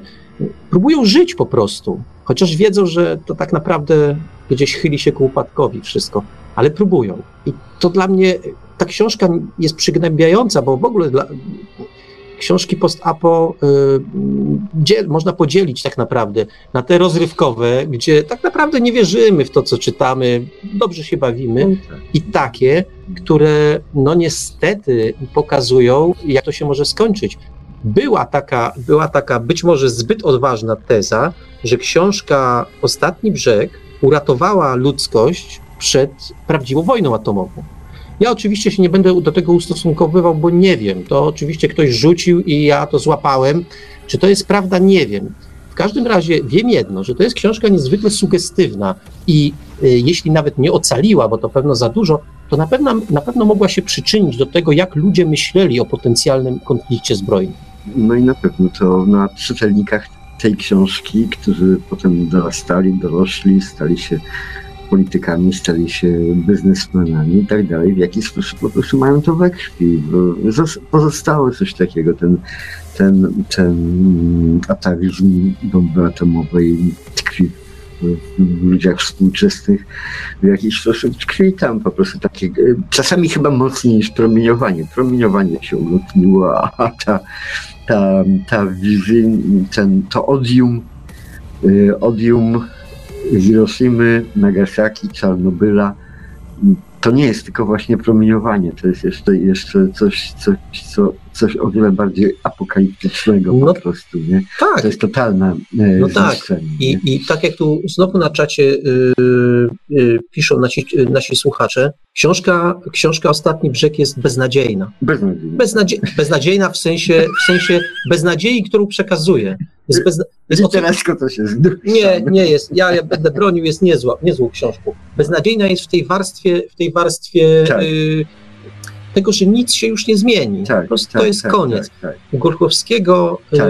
to jest książka rozrywkowa tak naprawdę. Tam się dużo dzieje i musi się dużo dziać, natomiast ona jest momentami też przerażająca, bo ona pokazuje, jak w gruncie rzeczy y, podatni jesteśmy na to, żeby w każdych, dosłownie w każdych warunkach, Mhm. my byśmy się zakopali nie w metrze, a nie wiem, y, trzy kilometry pod, po, pod powierzchnią ziemi i też, też byli, znaleźliby się tacy, którzy e, wykorzystywaliby jedni drugich i manipulowaliby jedni drugimi.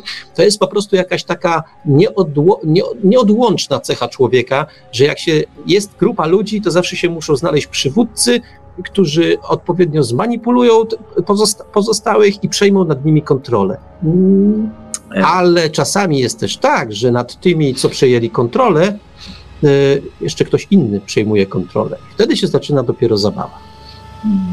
Ale tą cechę mają y, nie tylko politycy, to znaczy tą akurat mówisz o tej stronie sterowalności, natomiast y, człowiek sam samodzielnie również ma również ma pewne jakby ci to powiedzieć, bo nie lubię teoretycznie teorety, gadać. Otóż Mów praktycznie. Praktycznie powiem. Otóż e, 39 rok w Polsce e, to była też apokalipsa. Dokładnie coś takiego. Polska przestała istnieć, właściwie zeszliśmy do podziemia. Jest to koniec świata. No tak, Autentycznie uświadommy świata. sobie, nie? jakby człowiek, y, człowiek y, obu- zasnął Tak. powiedzmy 30 czy 31 sierpnia, jak zapadł jakąś śpiączkę i obudził się miesiąc później, Tak. to obudziłby się w innym Tak. świecie. Ale zwróć uwagę, e, zwróć, e, dajmy na to, że reszty świata nie ma, jest tylko Polska po 39 roku. Nie ma świata, nie ma nic, jest koniec świata, koniec. Nie? No i co robimy? I co robią ci, którzy przetrwali tą apokalipsę?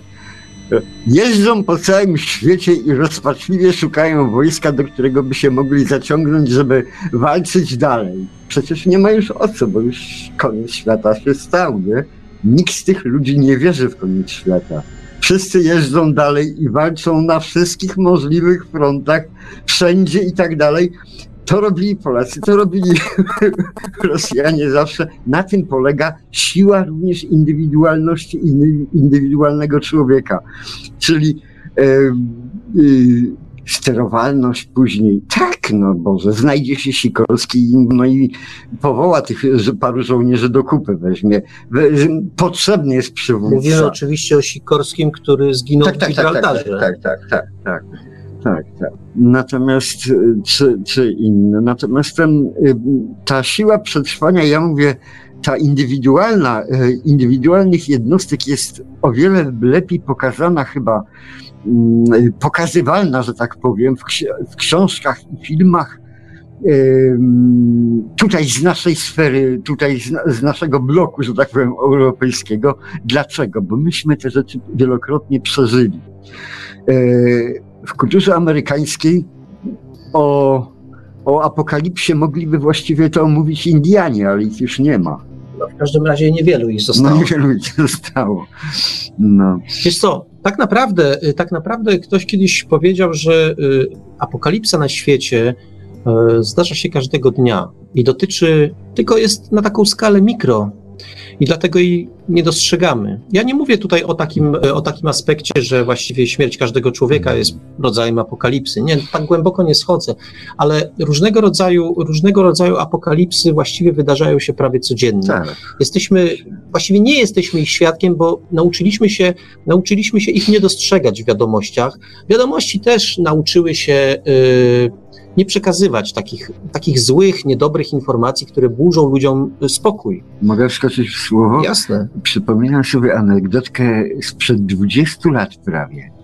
E, Była wiadomość w wiadomościach że nastąpił jakiś wybuch w metrze, e, w tym, e, no, w okrąglaku w Katowicach. Nie w Okrąglaku, no to A gdzie to tam było? W 70 latach Tak. w Warszawie bank PKO. Nie, A tu to w co? Katowicach, w Katowicach taki, już w naszym czasie, w d- 2000 którymś roku, jak, jakiś, jakaś tam ja eksplo, ja eksplozja nastąpiła i to już teraz, w czasach jeszcze prezydenta Kaczyńskiego y, to się odbyło. No i została ogłoszona żałoba narodowa i był komunikat, że zginęło wtedy w Katowicach tam chyba 60 czy, czy coś ludzi. Czy, To katastrofa e, na terenie międzynarodowych targów katowickich. O, Pamiętam, o, bo to o, wtedy się... O, zgoda. Ja- Świętowałem Ja wtedy osiemnastkę. więc niewiele ko- ko- kojarzyłem, ale pamiętałem, że coś takiego było, nie? I otóż y, została ogłoszona żałoba narodowa. Ja tylko dodam, e, pozwolę sobie przerwać, ja wtedy mnie pamiętam, bo wtedy świętowałem osiemnastkę i o 15 minut po tym, jak otworzyłem szampona, dowiedziałem się, że jest katastrofa. No. Wi- Apokalipsa. widzisz, y, Apokalipsa. Ale tak, ale ja chcę powiedzieć, jaki wymiar ma apokalipsa, o tym, co ma względność tej apokalipsy, w tym, co dowiązać do tego, co ma, e, co Marek mówi. Otóż e, zginęli ludzie, zdarzyła się tragedia, e, została ogłoszona e, żałoba narodowa. Wszystko pięknie. E, tydzień później przeczytałem w gazecie, że akurat wiosna już się robiła powolutku, No nie, to tydzień potem to nie, bo to było... to, to, to, ale tak, ale jakoś tego, ale nie, niewiele. Dwa, trzy tygodnie później przeczytałem w gazetach, że w tym roku zimą yy, od mrozu zmarło 200 chyba 60 bezdomnych. Nikt nie ogłaszał żałoby narodowej. Nie była to tragedii, nie było problemu, nie było ap- apokalipsy. Odpadli ludzie w resztokach, nie? No tak, ale to wiesz, w ogóle to, to co zacząłem mówić, że y, media oraz ludzie, No. wszyscy, wszyscy się uporniliśmy na, na, Tak. na te apokalipsy, małe, duże, średnie. E, może duże nie, właśnie duże są Mhm. jeszcze medialne, ale te średnie i małe zupełnie już nikogo nie Mhm. obchodzą. To, że Mhm. ktoś umiera, to, że ktoś, że ktoś ginie w dramatycznych Mhm. okolicznościach, nie doczekawszy się na przykład pomocy, to dzisiaj nie jest. To czasami gdzieś jakiś portal umieści, żeby łzy wycisnąć, ale w gruncie rzeczy traktuje to przedmiotowo, instrumentalnie. Jak, e, jak dobrze wyciśnie łzy, to dobrze, jak nie, to, to w ogóle tego nie puszczamy. Wiesz dlaczego? Jak to powinno być załatwione? Powinien człowiek być podłączony do sieci To by zwariował. internetowej? Nie. To by I w zwariował. momencie takiej wiadomości powinno to boleć.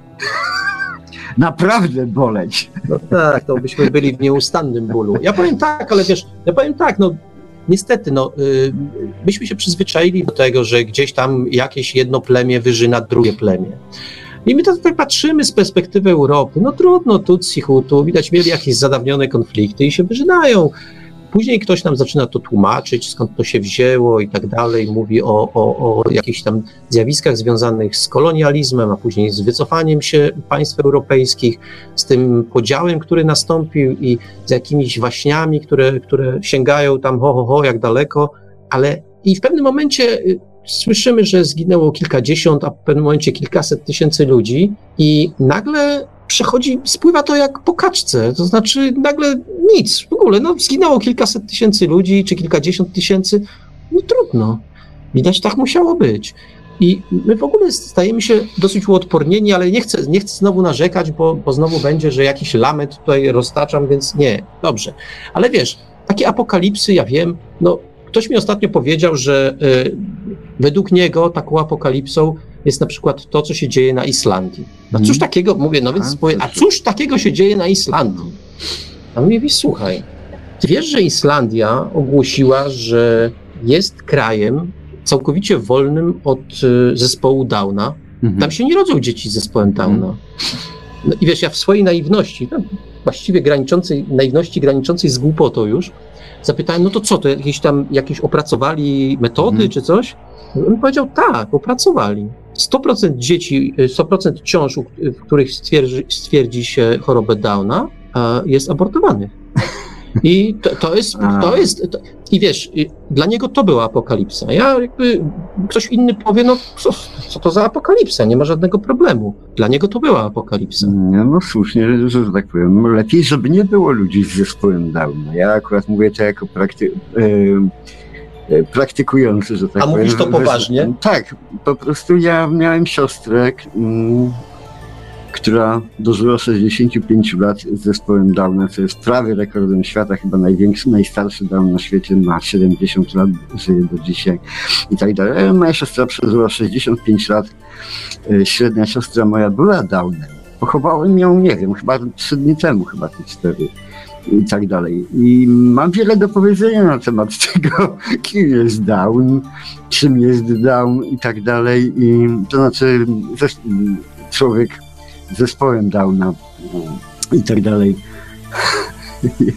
I mnie to roz... e, rzeczywiście, jak tak mówisz o apokalipsie w Islandii, to no to dla mnie też to jest w pewnym sensie apokalipsa, bo my możemy mieć w domu pieska, kotka, możemy mieć papuszkę, możemy mieć roślinkę w doniczce, ale człowieka trochę, że tak powiem, niezbyt takiego jak, czyli nie, nie, zap- nie zupełnie takiego zdrowego to już nie możemy mieć, nie?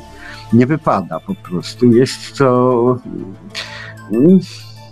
no, nie, niezbyt miło widziane i tak dalej. No, ale powiedz, że, no przecież no powiedz, bo, bo ktoś się jeszcze nabierze, no przecież szydzisz w tej chwili.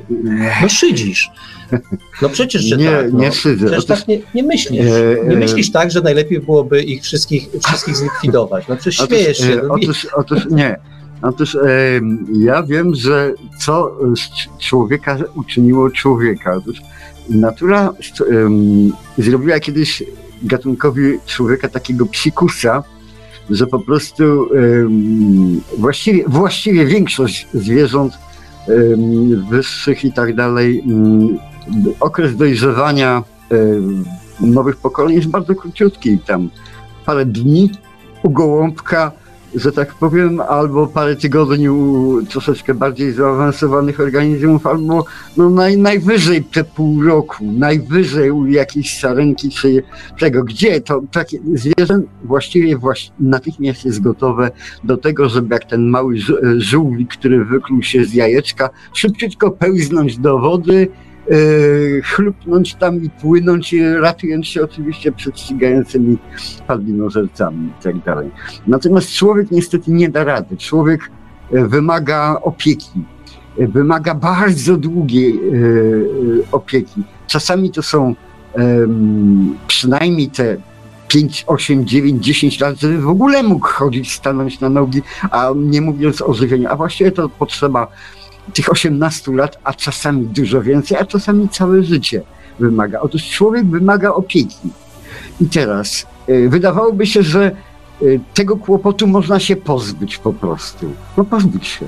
To jest kłopotliwe opiekować się, nie wiem, dzieckiem chorym i tak dalej. Tylko, że to, ta opiekuńczość stworzyła całą cywilizację dokładnie, naszą. Dlatego mówię, że szydzisz. No po prostu. No przecież jest rzeczą. Wiktor, przecież z jakichś powodów y, twoja siostra została na tym świecie. Zos- Została. Ona dlatego, bo miała matkę, No bo miała matkę. i siostrę, Oczywiście. którzy, którzy ją pozwolili jej żyć. Ale co decyduje o tym? No to właśnie No. to decyduje o człowieczeństwie, prawda? Znaczy, No tak, ale można wprowadzić w prawo, że prawo, że tak powiem, przez głosowanie, bo demokracja No. przecież widocznie islandzka tak za, za, za, za, zadekretowała, że tak powiem, bo inaczej to by nie było możliwe. No i dzisiaj nie ma tam downów i dobrze, że lepiej, żeby nie było. Ja też y, uważam, że lepiej, żeby nie było na świecie ludzi chorych, nie? No ale je- e, za przeproszeniem, jeżeli się urodzi człowiek, e, pardon, e, jeśli e, negujemy felerię w, uro, ym, u dzieci, które się y, u noworodków, ja bym myślę teraz logicznie, teraz dopiero w tej chwili na to wpadłem, to jeśli ktoś i dajmy na to y, wychodzi nam z tego, z, z badań, że dziecko się rodzi bez nogi, bez rączki, no to lepiej to usunąć, prawda? To przecież chyba e, dobrze by było, żeby politycy wpadli na to, że jeśli ktoś stanie się kaleką za, kaleką za życia, bo go samochód przejedzie i utnie mu nogę, to należy go również zabić. No widzisz, Wiktor, ty właśnie nam szykujesz następną apokalipsę.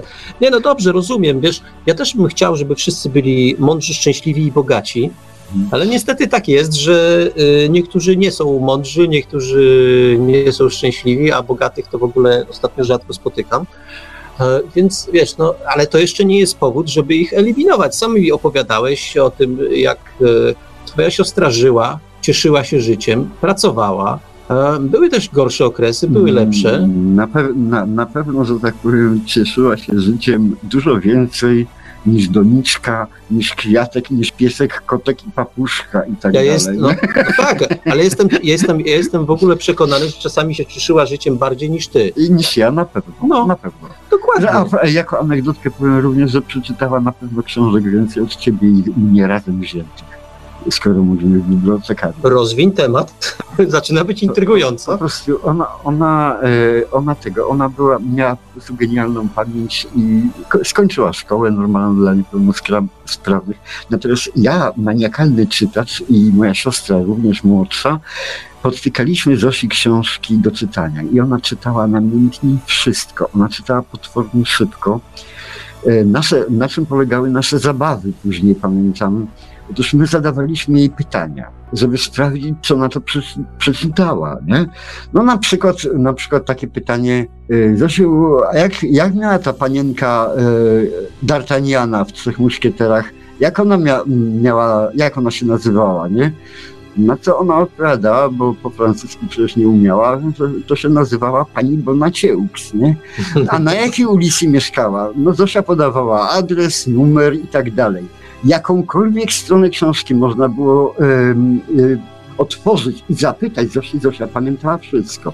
Czyli był to down, że tak powiem, o którym my myślimy, że nie ma świata wewnętrznego, nie? Że, że, że, że on nie tego. To, że ktoś milczy, to nie znaczy, że jest idiotą przecież. To, że ktoś nie kontaktuje się ze światem ze- zewnętrznym w taki sposób, jak to wypada, nie? Jak to jest, y, że tak powiem, nie tego, to nie znaczy, że jest idiotą albo, albo i tak dalej. Ludzie, no ale to tak, ludzie, chwała Bogu, że jeszcze dzisiaj leżą w szpitalach, hospicjach i tak dalej i ktoś się nimi opiekuje, nie? Ale no, dali zna- im zastrzyku. tak, nie dali im tak jak w Islandii zastrzyku, nie? No, To prawda, no. Więc, ale to właśnie, to do tego, do tego nawiązuje, więc my jesteśmy jeszcze w strefie, która do, e, do, tej, do, do apokalipsy nie doszła. tak. ale gdzieś tam te apokalipsy się szykują. No, wie, wie, no nie byłbym sobą, gdybym e, w kontekście tego, o czym dzisiaj rozmawiamy, czyli apokalipsy, nie wspomniał, nie wspomniał gdzieś odle- w sposób taki odległy tego, co się w ogóle w Europie dzieje, tego, co tej wędrówki ludów i tak Mhm. dalej. I tego, że tej apokalipsy niektórzy zda, zdają się nie dostrzegać. I mówią, nie, nie, no wszystko jest okej, w porządku, no przecież jak najbardziej. A drudzy z kolei mówią, nie, nie, to tragedia, ogóle rozmieszczane są obce wojska tutaj i tak dalej. A no, wiesz co, i to jest trochę tak, jak w tej powieści Goluchowskiego. Ja nie wiem, który z nich ma, który z, nich, który z tych ludzi ma rację. E, który, która z grup ma rację. Czy ci, którzy nas straszą, czy ci, ci, którzy nas uspokajają. Tego nie wiem, ale z pewnym niepokojem obserwuję stan ekscytacji tych ludzi. Oni są tak podekscytowani i głoszą nam jedną, y, jedną prawdę. E, Oni są tak. Jedni mówią, słuchajcie, musimy przyjmować uchodźców, bo to jest y, uchodźców, czy też emigrantów, czy jakkolwiek to nazwiemy. Nomenklatura jest w tej chwili nieważna, ponieważ oni potrzebują naszej pomocy w imię, jakby pomijmy wszystko inne i tak dalej, i tak dalej. Pamiętajmy, że jesteśmy ludźmi, to decyduje o naszym człowieczeństwie i wpadają w taki tu słowotok mniej więcej. Drudzy wpadają w bardzo podobny słowotok, strasząc nas i przywołując kolejne, kolejne straszne rzeczy, które się, które się y, miejscami w Europie dzie, dzieją. A wszystko to jedni i drudzy robią po to, żeby nam przekazać pewną prawdę. I Czuję się troszeczkę tak, jak bohater książki Goluchowskiego, Artem, Mhm. e, który e, też krzyczał ludziom w oczy, nie, nie, można krzyczeć coś w oczy? Nie, Tak, w uszy tak. się pewno krzyczy. No ale w każdym razie krzyczał im prosto w twarz, jak jest, a oni patrzyli na niego i mówili, to jest nieprawda, okłamujesz nas. Tak nie jest, jest zupełnie inaczej. I troszeczkę tak się czuję w tej chwili, wiesz, jak to wszystko obserwuję, co się wokół nas dzieje. Troszeczkę tak, y, tak niepewnie. Y, Słuchaj, jak o tym mówisz, to przecież ludzi, do ludzi nigdy nie dotrze mm, prawda jakakolwiek, jeśli tego nie odczują na własnej skórze. Jeśli będziesz im mówił na przykład, co akurat ze współczesnym światem nie ma nic wspólnego, że światu grozi głód, no to możesz sobie długo mówić. Uwierzą w głód wtedy, kiedy będą puste sklepy. Kiedy go poczują. Kiedy, go poczują, po no prostu. tak. Nie? Nie. O tym, że człowiek boli, o tym, że, że, że tak powiem wkładanie palca w, płomień świeczki, że to parzy, to możesz mówić każdemu dziecku. I tak wątpliwie przecież. Nie? No, obowiązkowo. Po to jest, po to jest ogień świeczka i po to jest palec. Nie? No to prawda, to prawda. Także nie rozczarowuj się specjalnie tym, tym że, y, natomiast, że świat jest taki, jaki jest, natomiast dobrze y, czytać tego typu książki jak Gołychowskiego po to, żeby, żeby mieć świadomość tego, że świat nie jest jednoznaczny, nie jest ani taki, ani taki, ani taki, tylko że jest jeszcze coś, że, te, że tak powiem, poza, skórą mamy jeszcze krwiobieg, mamy mięśnie, i, i, a, i, a nie oglądać tylko ładnego naskórka, że tak powiem, bo nask, naskórek nie tego. No, a No. Natomiast jak wspomniałeś y, na samym początku y, audycji, y, wspomniałeś o jednej rzeczy, że mnóstwo ludzi, którzy czytali książkę Goluchowskiego, było albo pełna zachwytu, albo, albo strasznie nienawidząca, wręcz obrażona na to, że, że, że trzecią książkę napisał. Ja wtedy pamiętam, że sobie pomyślałem, że tak to jest bardzo niebezpiecznie łamać reguły gry. Otóż y, No tak. y, Goluchowski ewidentnie złamał. napisał pierwszą książkę, drugą w tym, że tak powiem, klimacie, a następnie złamał reguły gry. A teraz dam przykład, na czym polega łamanie gier. Otóż kiedyś tam w Hiszpanii czy w Kastylii wymyślono pewien zestaw reguł, reguł, zestaw reguł, który ogólnie nazywamy, nazywamy tango. Mhm. Ten, to tango tańczy się tak. Tak się e, kładzie rękę na ramieniu, tak się trzyma za biodro, taki się ruch wykonuje. Jest to zespół mnóstwa zasad i tych zasad należy się trzymać. Można je doskonalić, można tego. Tym one się różnią od poloneza czy od, e, od jakiegokolwiek innego tańca, że, że dosyć roz, tworzą rozpoznawalny system em, zachowań i tak dalej. Rozpoznawalny system reguł gry. I mamy te reguły gry. Jesteśmy zachwyceni, kiedy oglądamy spełnienie tych reguł gry, e, gry najbardziej doskonałe. Ale, ale tu się pojawia na przykład Hollywood. E, Taki amerykański producent takiego filmu mówi, cholera jasna, świetnie tańczą. No świetnie tańczą, świetnie. Cudowne, cudowne. Wiesz co, ale niech ona się na końcu rozbierze, niech zrobi sztuki. No świetne. Mnóstwie ludzi się to strasznie spodoba, prawda? A mnóstwo ludzi właściwie wyjdzie z tego filmu zniesmaczone. Bo to są, to są właśnie złamane reguły gry. My w tamtym świecie wymyśliliśmy striptease, więc połączmy nowoczesną kulturę amerykańską ze staroświecką kulturą europejską. Wtedy mamy tango kończące się stripteasem. Świetna rzecz, świetny pomysł i Ale tak to dalej. są nowe reguły. To są nowe To są reguły. nowe reguły. Y, I teraz jest kwestia, czy takich reguł y, łamać, czy nie łamać. Tak jak powiedziałem, jednym to się spodoba, innym, innym, innym się to nie spodoba po prostu. Nie? No, no Okej. i tak dalej. Mam pytanie z, z czata. Szyderca pyta. Pan, pytanie do Wiktora Żwikiewicza. Jaki wpływ jego zdaniem na literaturę SF w Polsce miał system komunistyczny? Pytanie jest do Mm. ciebie. No, Męcz się. no gigantyczne. Właściwie to po prostu y, my powinniśmy y, komunist, systemowi komunistycznemu wystawiać pomniki, a nie ich je, y, je burzyć. My jako czytelnicy w ogóle literatury science fiction. Po prostu komunizm nauczył nas czytać, czytać w ogóle, chcieć czytać książki w ogóle, Y, a przede wszystkim jeszcze myśleć w trakcie czytania książek. Bez tego systemu myśmy, my byśmy tą trawę przeżuwali, mm, no, no tak jak wszyscy przeżuwacze mm, książek na świecie, którzy czytają tylko po to, żeby czytać. Myśmy czytali książki po to, żeby się czegoś dowiedzieć o świecie, gdyż innego kanału nie było. Nie było internetu, nie można się było ze światem połączyć. Książki pisarzy amerykańskich, angielskich, no, również naszych i rosyjskich, otwierały nam po prostu oczy na świat. Dlatego ja jestem wdzięczny, a poza tym, tak jak już wspomnieliśmy, czytelnictwo yy, rosło, ale ja odpowiem to jeszcze lepiej yy, chyba.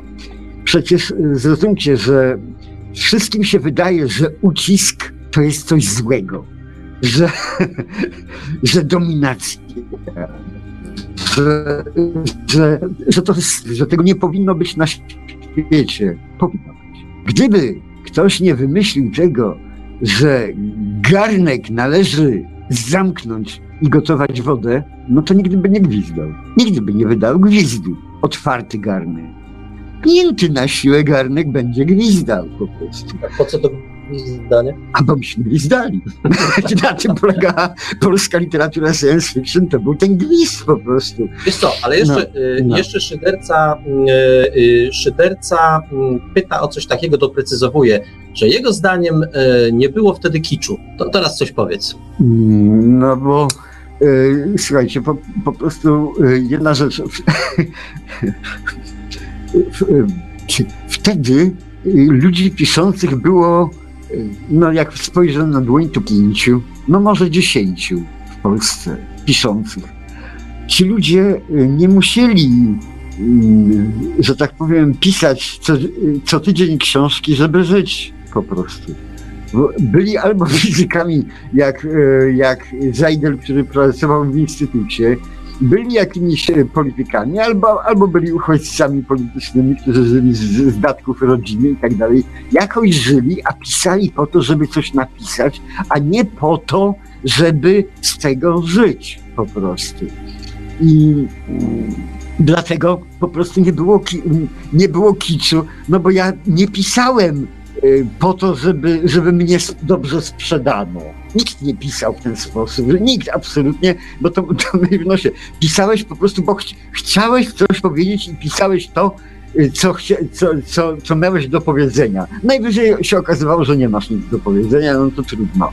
Y, To, to czytelnicy tego nie czytali albo, albo wywalali. Natomiast nie pisało, nie, nie, nie ubierało się na, na siłę różowych gaci albo, albo nie, nie, nie, tego pawiego ogona się nie przyprawiało do literatury.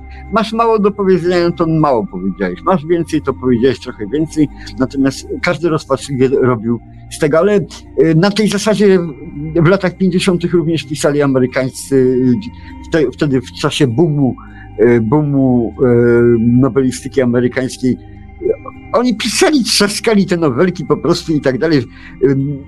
Nie dlatego, żeby z tego żyć, chociaż z tego żyli, ale rynek był tak ogromny, tak olbrzymi, że jeśli się to całe towarzycho e, gdzieś tam w paru miastach amerykańskich znał, oni się wszyscy znali po prostu, to oni choćby nie wiem ile napisali, to i tak amerykański rynek to wszystko pochłaniał. Więc oni naprawdę nie musieli pisać, żeby z tego żyć po prostu. No, no, to. Okej. Chciałbym Cię zapytać, wiesz co, bo y, siłą rzeczy, kiedy rozmawiamy o y, metrze Mhm. 2033, 2034, 2035 oraz wszystkich dodatkach z innych krajów, między innymi z Polski, to rozmawiamy o niezwykle rozbudowanym świecie. No to, tak jak mówię, Moskwa, gdzieś tam się jakieś inne kraje pojawiają, pojawia się Wrocław, pojawia się Kraków wspomniany, rzeczywiście inne miasta europejskie, ale co ty w ogóle sądzisz, jeżeli, jeżeli o takim sposobie pisania, którym e, autor tylko częściowo kreuje świat. Oczywiście ma dużą wolność, bo pomiędzy Moskwą a, a Krakowem, czy też Wrocławiem, no jest taka odległość, że właściwie e, te, te ramy, w których pisze, pisze autor, są niezwykle rozległe, ale jednak jest taki autor wtłoczony w pewien cykl Mhm. pewien cykl, w którym są pewne, e, no trudno powiedzieć żelazne, ale jednak pewne reguły, które musi spełnić, żeby jego, jego książka została przyjęta do cyklu, żeby dostała ten stempel, że to jest uniwersum Metro 2033. Niektórzy mówią, że to jest bardzo zła praktyka, że pisarz nie powinien takich rzeczy robić.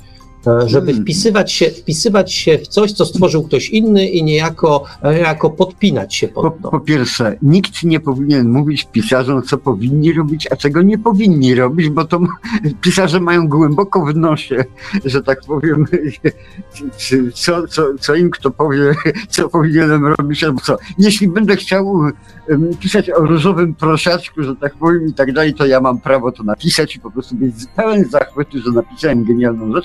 Może tego nikt nie czytać oczywiście, natomiast pisarz to jest y, człowiek, który po prostu, któremu nikt nie będzie dyktował, że tak powiem, że, że znaczy pisarze nie mają generałów nad sobą. Nie mają żadnego dowódcy, nie mają nikogo i tak dalej. To są szeregowi żołnierze, którzy po prostu robią to, co chcą na tym froncie, w froncie walki, a jeśli, że tak powiem, nie potrafią w tej dżungli walczyć, no to po prostu giną po drodze, ale to jest ich sprawa. Nie? To są samotni komandosi, którzy rzucali w tą dżunglę wietnamską i tak powiem, przeżył, to przeżył, nie przeżył, to nie, to nie, trudno się mówi i tak dalej. Nie ma co się żałować, skoro nie przeżyłeś, to nie warto było, żebyś żył, znaczy. No to ja sądzę, że no. nasi komandosi w mhm. postaci e, Roberta Schmidta tak, i Pawła Majki tak. E, jak najbardziej przeżyli w tej dżungli. Moim zdaniem sobie poradzili świetnie. Szybko odpowiem Jancie Okropotkinowi, że obie książki, które wymienił, mnie przynajmniej są e, nieznane ale chętnie, ale ja zawsze korzystam z takich podpowiedzi jak tutaj i na pewno sobie te tytuły wynotuję i postaram się luknąć do obu, a może nawet zostanę z tymi tytułami na dłużej. A... Ja, ja chyba zamorduję tego Jancia Kropotkina, bo to jest po prostu coś, co skąd wziął tą swoją ksywę, bo ja się wychowałem na księciu Kropotkinie. To były moje lektury i dlatego, że tak powiem, mam anarchistyczne wypowiedzi zwykle, gdyż księcio Kropotkin był moim ideałem, kiedy miałem lat 14 po prostu. Pozdrawiam Kropotina. No widzisz, czyli właśnie, spo, no. właśnie no. spotkałeś. No.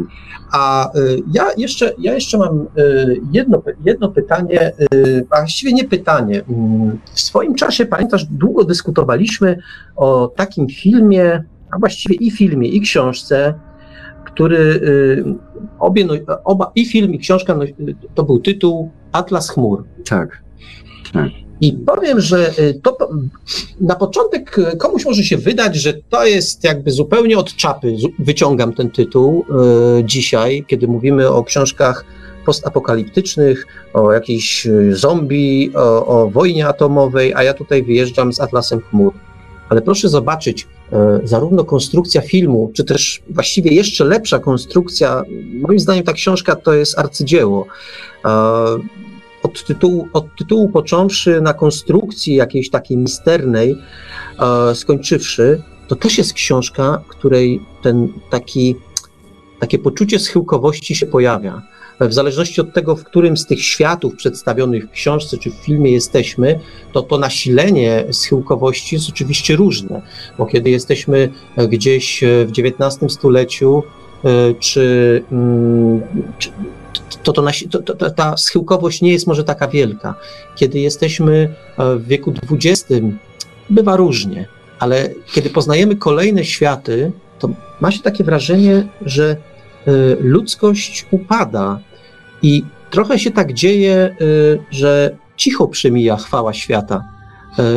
To nie jest tak, że apokalipsa musi nadejść w huku głowic jądrowych, że rzeczywiście muszą przebudzić się jakieś potwory, jakieś zombie, tego w filmach o tych zombie to już naprawdę, czy, czy, czy w książkach, czy Walking Dead, czy, czy, czy a tych tytułów można by wymienić bardzo dużo, ale czasami apokalipsa może być cicha, niezwykle cicha, po mm, prostu. Chcę ci zwrócić uwagę, że w historii Ziemi e, te spektakularne wydarzenia, które na przykład powoliły dinozaurów na kolana albo parę razy jeszcze wcześniej inne gatunki. To są te spektakularne rzeczy, które są naprawdę e, fajne do sprzedania, ale życie toczyło się cały czas, równiutko, gładziutko i były, wymiana gatunków następowała wcale nie, e, to tylko największe takie przełomo, przełomy nastąpiły tak gwałtownie i spektakularnie, a reszta odbywała się ciepło, skromniutko, płynnie zupełnie. Powoli sobie odchodziły te gatunki zbędne, powoli pojawiały się nowe, nie? Tak jak wiesz, jak, jak, jak ja byłem gdzie, gdzie? Jak ja byłem młodym człowiekiem, to w Borach Tucholskich, na przykład tutaj koło Bydgoszczy, nie było takiego zwierzęcia jak kojot. A dzisiaj sobie żyje, nie? No, po prostu z powolu, powolutku przeszedł, nie? Powolutku przeszedł z Azji do nas i tak dalej. Ten piesek jakiś tam sobie ryje. Już nie tylko lisy. Jak ja byłem młody, to tylko rude wiewiórki biegały w Polsce po, po, po drzewach. A dzisiaj to już rude trzeba szukać. Większość jest szara, góra, bo przyłazi, przylazła ta cała wiewióra kanadyjska yy, przez Anglię do Polski i tak dalej. I ona zas, zasiedli tą całą Europę do końca. Rudych już nie będzie, tak samo jak blondynek yy, tego, jak w ogóle... Blondynek już nie będzie, ale ja widziałem czarną kiedyś. Tak, bo, bo już ten gatunek wymienia po prostu to środowisko. Odbywa się to może y, niesłyszalnie dla nas, może wiewiórki to boli, nie? Może tak. Ale, ale, ale, ale my to. Ale powtórzę, no. cicho przemija cicho chwała przemija świata. świata. Cicho Cichutko. przemija chwała świata. I tak niestety, tak niestety y, trochę ten świat żegluje od.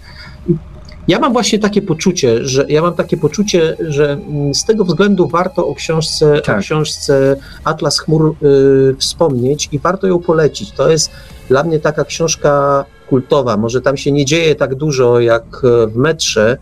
Nie, dzieje się bardzo dużo właściwie, tylko to jest książka z klimatem.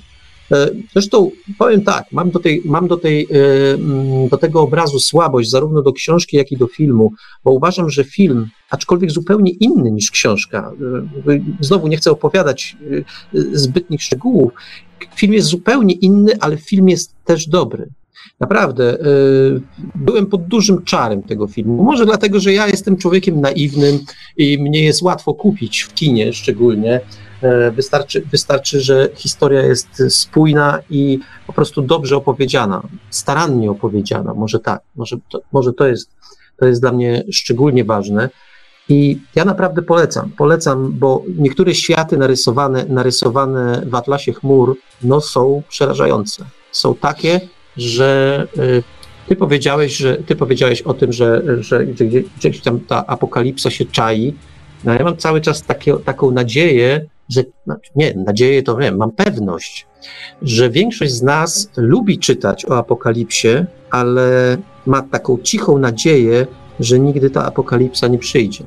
Bo tak jak lubimy apoka o apokalipsie czytać, jak lubimy ekscytować się losami bohaterów, tak e, kiedy pomyślimy sobie o tym, że ona już gdzieś jest za progiem, to nam się tak smutno robi.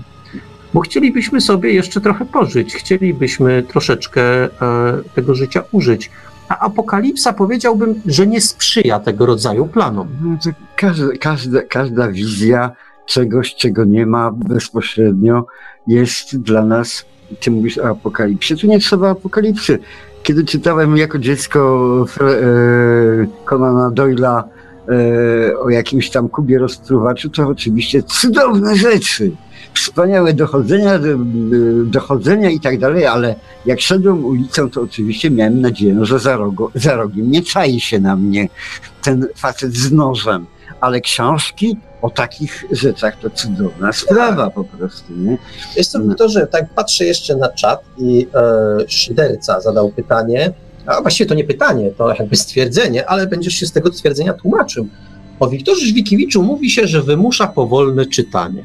Świadomie to robiłeś mm. swoim czytelnikom? Nie, broń Boże, tylko że tak powiem, ja nie myślałem, że ktoś, że ktokolwiek będzie to czytał.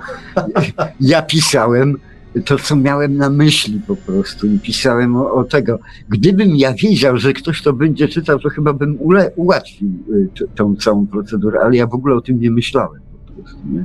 w trakcie pisania. I to był albo błąd, albo zaleta tej całej literatury. Nie wiem, chyba błąd, a może zaleta. Nie, no może no, jak czytelnik, czytelnik dłużej obcuje mm. z twoją książką, to może więcej z nich e, zostaje. Znałem, znałem mnóstwo ludzi, którzy pluli na to, co napisałem i słusznie, ale nie znałem ani jednej osoby, która by y, narzekała na to, y, kiedy przeczytała po raz drugi to, co napisałem. No. To nie znam takiej osoby i nigdy takiej nie było i nie będzie. No tak, bo nie, to jest nieprawda. Tu jestem pewien. To jest nieprawda, to jest nieprawda. Do kilku, do kilku twoich tekstów wracałem. No. Wracałem, żeby przeczytać je po raz drugi. No, no. Jednym z takich kultowych tekstów jest Wołanie na Mlecznej Drodze, no. które naprawdę polecam. To jest, to jest książka, to jest opowiadanie, które, jak już mówiłem w poprzedniej audycji, no po prostu w pewnym momencie wbiło, wbiło mnie, coś mnie tam wbiło, no, w każdym mm. razie w glebę to na pewno. I wbiło mnie w kompleksy później, bo, bo, bo to, była, to był ten typ literatury, ten rodzaj e, pisarskiej takiej ekspresji, której można Wiktorowi po prostu zazdrościć. Ale audycja o Wiktorze tak, była, tak, była tak, poprzednio, tak, więc tak, dajmy, Wiktorowi, tak. dajmy Wiktorowi spokój.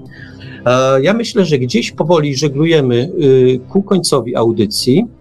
I myślę, że na ten koniec to powinienem jeszcze raz, bo mnie wydawca, wydawca portalu obu, y, nie portalu, portalu bibliotekarium zamorduje, więc jeszcze raz wspomnę o konkursie. E, www.bibliotekarium.pl. Tam na pierwszej stronie e, największe zdjęcie, takie zmieniające się. Proszę, proszę każdy, kto będzie miał ochotę, wejść na, e, na, taką, na to zdjęcie, które ma na sobie taki tytuł Metro 2035, konkurs dla słuchaczy audycji Bibliotekarium. No i tam jest wszystko napisane. Wystarczy jeden krótki komentarz napisany do 6 kwietnia 2017.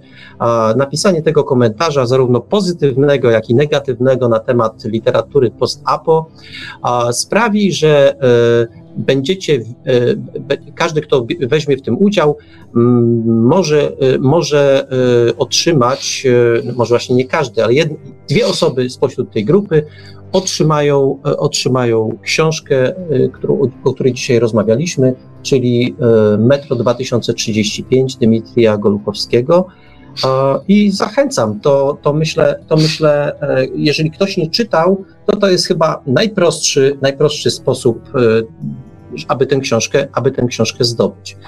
Dzisiaj, a coś Wiktor chce powiedzieć? Ja, Proszę. ja tak chciałbym prawie kończąc od siebie powiedzieć, że ja jako przeciwnik czytania książek we współczesnym świecie, bo w świecie internetu czytanie książek to już jest czas właściwie zmarnowany, ale jeśli ktoś ma czas na, marno, na marnowanie, do zmarnowania i chce koniecznie czytać jakąkolwiek książkę, to chyba książka Gołuchowskiego jest jedną z bardzo, bardzo niewielu książek, dla których y, ten czas warto zmarnować. Po prostu. No, pewnie tak. Polecam.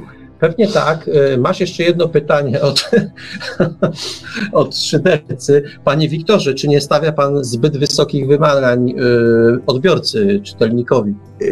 E, pamiętam, jak, jak rozmawiałem, kiedyś był taki skoczek polski, Wszoła się nazywał. A, no był. Tak. Pamiętam, że rozmawiałem z Wszołą, jak ty żeś skoczył te 2 metry 7 centymetrów, bo chyba tyle skoczył tam kiedyś, nie?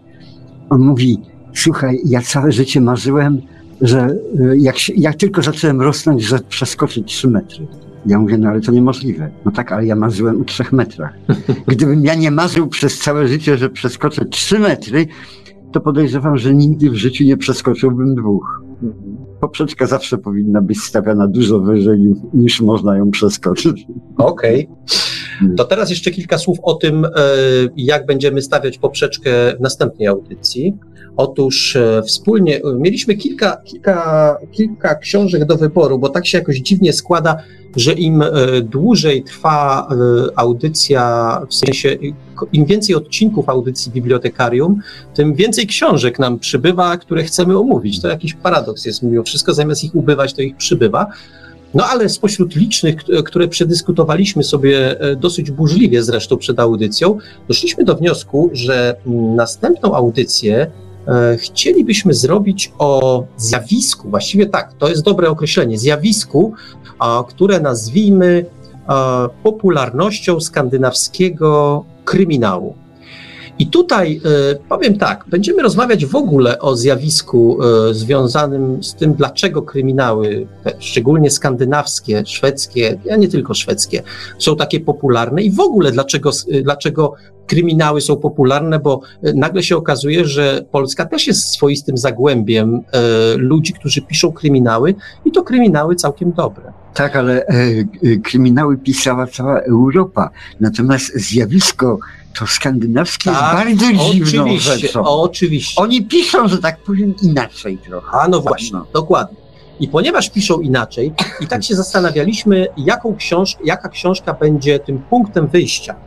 Początkowo sądziliśmy, że e, zrobimy tym punktem wyjścia e, e, trylogię, no trylogię, chociaż właściwie czwarty tom też powstał, czyli Millennium.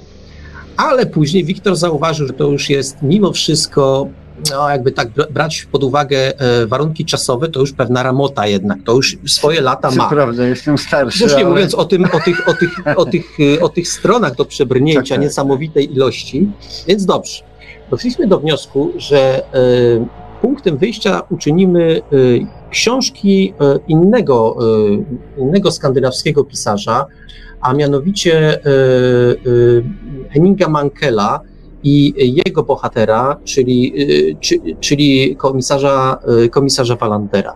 Nie podajemy konkretnej książki, bo tak naprawdę z postacią, z postacią y, komisarza Walandera wystarczy zetknąć się raz w jednej, w jednym, w jednym z tylko z książek i to bez względu na to, czy to będzie książka z początków kariery tego komisarza, czy chyba komisarza, chyba się nie pomyliłem, mam nadzieję. W każdym razie Walandera, czy też e, z, końcowej, z, koń, z, koń, z, koń, z końcowych e, etapów jego kariery, kiedy już był człowiekiem starszym i w dodatku nękanym poważną chorobą, e, chorobą, która zaatakowała rzecz w sumie dla policjanta, dochodzeniowca najważniejszą, czyli jego, jego, jego mózg, jego głowę.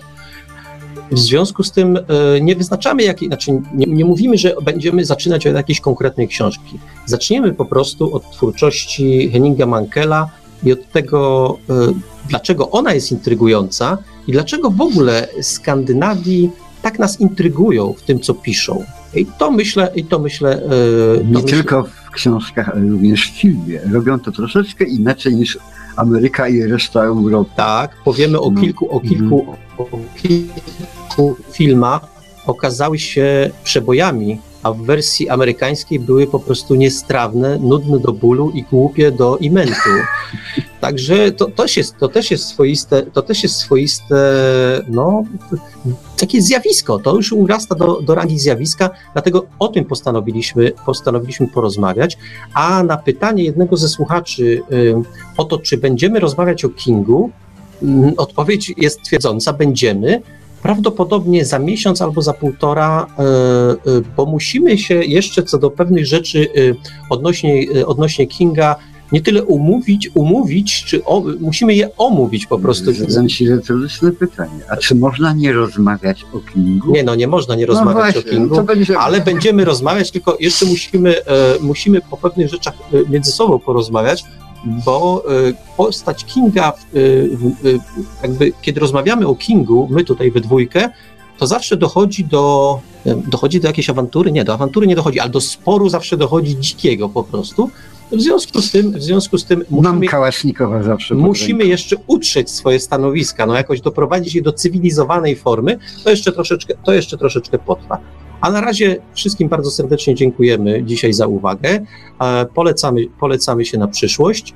No i prosimy pamiętać o, o, o konkursie. No w końcu, jak wydawca portalu y, bibliotekarium.pl się szarpnął, to proponuję skorzystać z jego szczodrobliwości i e, przytulić. E, jest możliwość przytulenia dwóch książek Goluchowskiego Metro 2035. Proponuję skorzystać. I przeczytać. A potem oczywiście przeczytać. Jeszcze raz wszystkiego dobrego, dziękujemy. A do wzięcia udziału w konkursie zapraszali gospodarze bibliotekarium Marek Żelkowski i Wiktor Żwikiewicz. Dzięki jeszcze raz panowie. A jeszcze, ale jeszcze, my się zawsze ciężko żegnamy, nam jest się zawsze ciężko pożegnać. Jeszcze o 35 pyta, no to potraktujmy, że to będzie ostatnie pytanie. Panie Wiktorze, czy polscy autorzy kryminałów nie piszą również inaczej? Na przykład pani Chmielewska. Krajewski też zupełnie inna literatura. Pewnie nawet Joe Alex, który e, próbował e, e, zmałpować, że tak powiem, angielską, angielski kryminał i tak pisał go dużo inteligentniej od Anglików. Tak, to czy y, ja powiem tak, y, o 35 i szanowni słuchacze, e, od czegoś musimy wyjść, ponieważ skandynawski kryminał jest swoistym fenomenem na polskim rynku, pewno nie tylko polskim, ale jest pewnym fenomenem. Ja nawet nie wiem, czy dobrym, czy złym. To się utrzę w ciągu następnej audycji. Natomiast y, od czegoś musimy wyjść. E, po prostu ten fenomen świat postrzega. Tak. A my, że tak powiem, przy okazji pokażemy, na czym polega nasz fenomen, którego świat jeszcze nie dostrzega, No, ale być może kiedy Nie, dostrzeże. znaczy nie bylibyśmy sobą, jakbyśmy z tego No. skandynawskiego kryminału nie doszli do polskiego kryminału i e, nie, nie przypieli kilku łatek oraz kilku medali e, ludziom, którzy te kryminały piszą. No. Ale tym, w takim razie do usłyszenia, do usłyszenia. W, następnej, w następnej audycji. Tym razem to już naprawdę koniec. Dziękujemy, dobranoc wszystkim. A bibliotekarium, jak zawsze, obsługiwał od strony technicznej Marek Sękiewelios. No i cóż, dobranoc, no i do usłyszenia w kolejnym odcinku Bibliotekarium już za dwa tygodnie. thank you